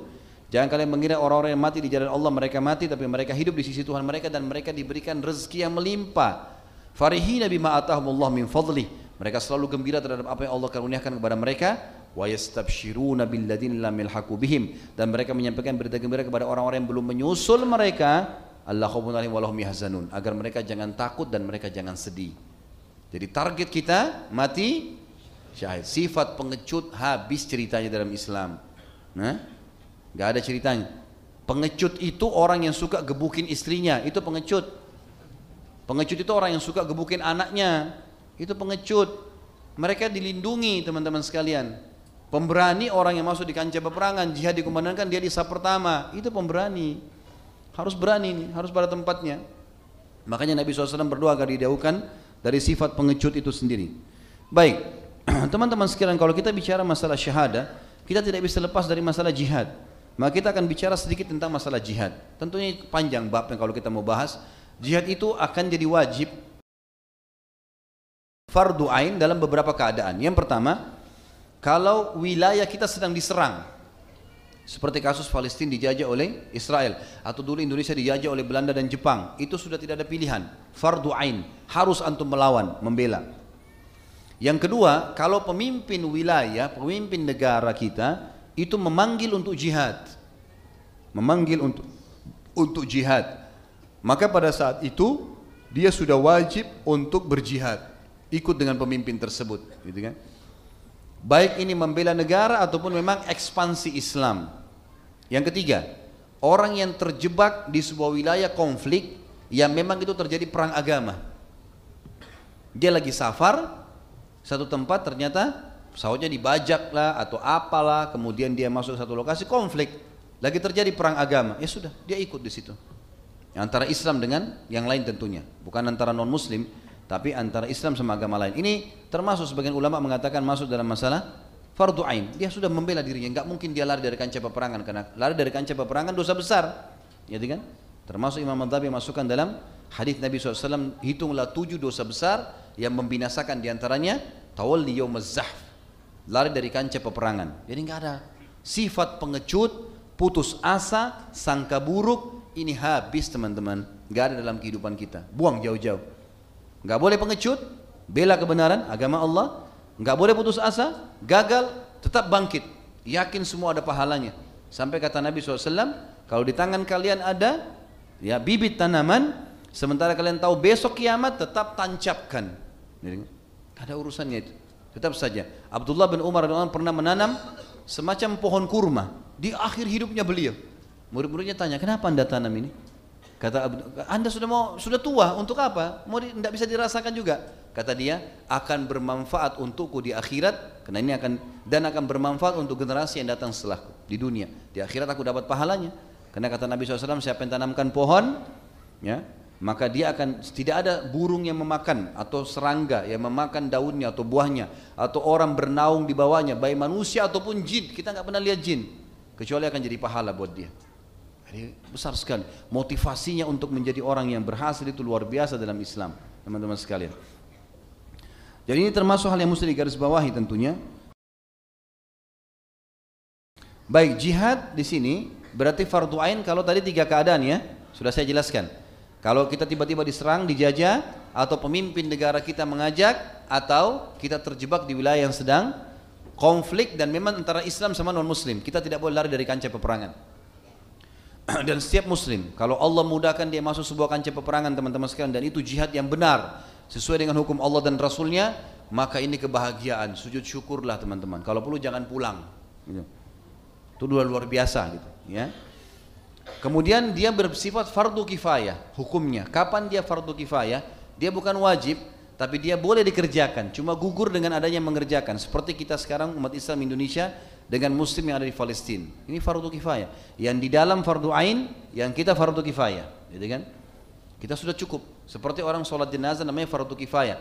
Kalau sudah ada sebagian yang sholat, yang lainnya gugur. Wajib tapi cukup dengan ada yang sudah mengerjakannya, gitu kan? Sama juga dengan jihad ekspansi. Kalau ekspansi misalnya ada jihad tapi pemimpin tidak haruskan. Dia kasih pilihan, siapa yang mau pergi silakan, gitu kan?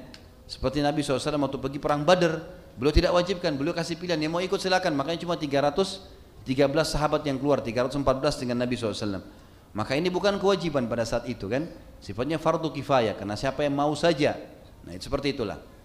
Dan jihad akan menjadi sunnah kalau kita melihat umat Islam lagi berkuasa, kemudian ada eh, wilayah-wilayah uh, yang masih perbatasan dengan orang kafir dan orang kafir kondisinya lemah, tidak bisa menyerang. Tapi dia ingin mendapatkan pahala jihad. Bagaimana caranya? Maka dia menjaga di perbatasan. Dia minta agar ada di sana. Satu waktu kalau konflik dia juga ikut. Dia niatkan ribat namanya. Kata Nabi SAW mengikat diri satu hari di jalan Allah menjaga perbatasan lebih baik daripada dunia dan seluruh isinya. Gitu kan? Ini hukumnya sunnah tentu. Nah, ini kalau masalah jihad dan padilanya banyak. Di antaranya adalah hadis Nabi SAW riwayat Imam Muslim, "Makbarra kadama abdin fisabilillah fatamassuhun nar." Tidak akan pernah disentuh api neraka dua telapak kaki muslim yang tersentuh kancah peperangan, debu peperangan. Tidak akan disentuh oleh api neraka dua telapak kaki hamba yang tersentuh debunya medan perang. Debu sekali antum tidak akan dibakar di neraka, tidak masuk neraka. Itu luar biasa. Selama memang pada saat dia pulang dia nggak murtad tentunya. Kemudian yang kedua hadis Nabi SAW yang sahih, siapa yang mati tidak pernah mengajak dirinya untuk jihad, tidak ada semangatnya untuk mati syahid, untuk menghadapi perang, dan tidak pernah diajak, dia tidak pernah niat, tidak pernah mendorong dirinya untuk itu. Maka pada saat dia mati, dia mati dalam keadaan jahiliyah. Harus menjadi angan-angan. Dalam hadis Bukhari, kata para sahabat ya Rasulullah, beritahukan kepada kami amalan yang bisa menyaingi pahala perang, pahala jihad. Nabi SAW diam. Sahabat ulangi ya Rasulullah, beritahukan kami amalan yang bisa menyesuaikan pahala jihad. Nabi SAW diam sampai tiga kali.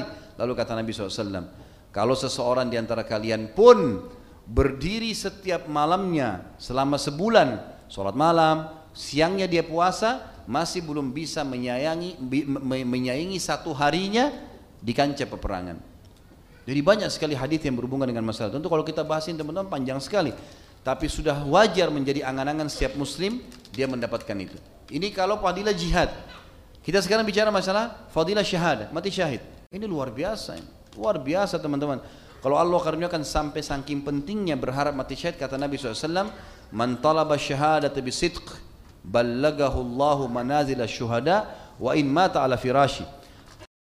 Kalau seseorang berharap mati syahid tulus dari hatinya, maka Allah akan berikan dia derajat orang-orang mati syahid walaupun dia mati di atas ranjangnya. Baik, seperti apa fadilah orang mati syahid? Di antara hadisnya adalah kata Nabi sallallahu alaihi wasallam, "Li syahidi indallahi sittu khisal." Orang yang mati syahid, hadis ini sahih riwayat Ibnu Majah ya, akan mendapatkan enam hal sekaligus. Yang pertama, yakfur yukfar lahu fi awal dif'ati min damih semua dosanya akan dimaafkan begitu darah pertamanya terteteskan. Yang kedua, sebesar apa pun ya, dosa besar apa pun yang pernah dia kerjakan akan dimaafkan kecuali syirik tentunya. Syirik nggak boleh. Syirik harus tahu ini harus dia mengucapkan syahadatnya kalau syirik besar kayak nyembah-nyembah berhala misalnya ini tidak boleh. Tapi selain ini insya Allah akan bisa. Yang kedua wayara mak'aduhu minal jannati dan dia langsung diperlihatkan tempatnya di surga. Yang ketiga, wa min adzabil qabr. Dia diselamatkan dari siksa kubur. Yang keempat, wa min fazail akbar. Dia akan selamat dari ketakutan yang besar di hari kiamat. Yang kelima, wa hullatul iman. Dia akan ditanamkan keimanan dalam hatinya atau makna yang lain dia akan diberikan pakaian keimanan pada hari kiamat. Jadi orang-orang yang beriman itu akan mendapatkan pakaian khusus sehingga orang tahu ini orang-orang beriman. Yang keenam, wa yuzawwaju min hurin in dan dia akan dinikahkan dengan para bidadari. Wa yashfa fi sab'ina insanan min aqaribih. Dan dia akan memberikan pertolongan 70 orang dari keluarganya untuk masuk surga bersamanya. Untuk masuk surga bersamanya. Kemudian juga dikatakan dalam hadis Muslim, al-qatlu fi sabilillah yukaffar lahu syai'un yukaffar kullu syai'in yukaffar lahu kullu syai'in illa dain Orang yang mati syahid di medan perang diampuni semua dosanya kecuali utangnya. Itu saja yang tidak, yang lain semua dimaafkan. Dan cukup banyak tentu hadis-hadis berhubungan dengan masalah ini teman-teman sekalian. Uh, di antaranya hadis-hadis tentang masalah hadirnya bidadari, gitu kan? Ada hadis riwayat Ibnu Majah tapi ini tentu saya berharap kita dengar dengan cara keimanan, terutama akhwat kita. Jangan difahami salah, gitu kan? Karena kata Nabi SAW, siapa pun yang mati syahid, maka kedua istrinya dari bidadari berlumba-lumba menjemputnya seperti seorang ibu yang berlumba-lumba menyusui anaknya.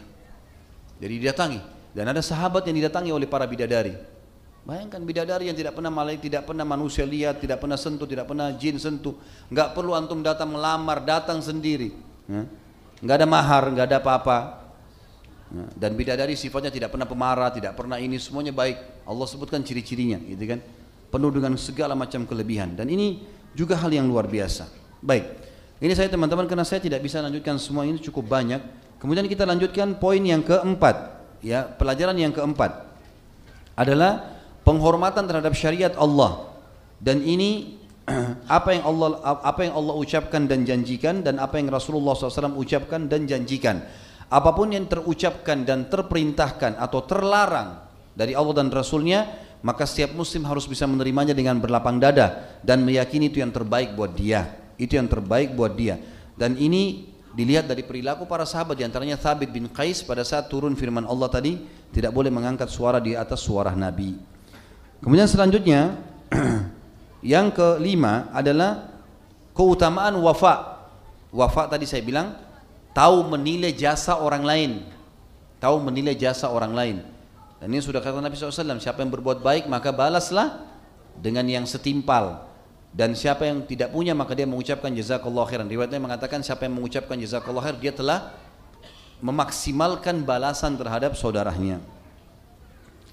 Kemudian juga yang keenam adalah mendahulukan Allah dan Rasulnya dari semua keinginan pribadi seperti kasus tadi Juwairiyah radhiyallahu anha yang dihadiahkan oleh Thabit bin Qais kepada Nabi sallallahu alaihi wasallam. Kemudian yang ke delapan, maaf yang ketujuh ya.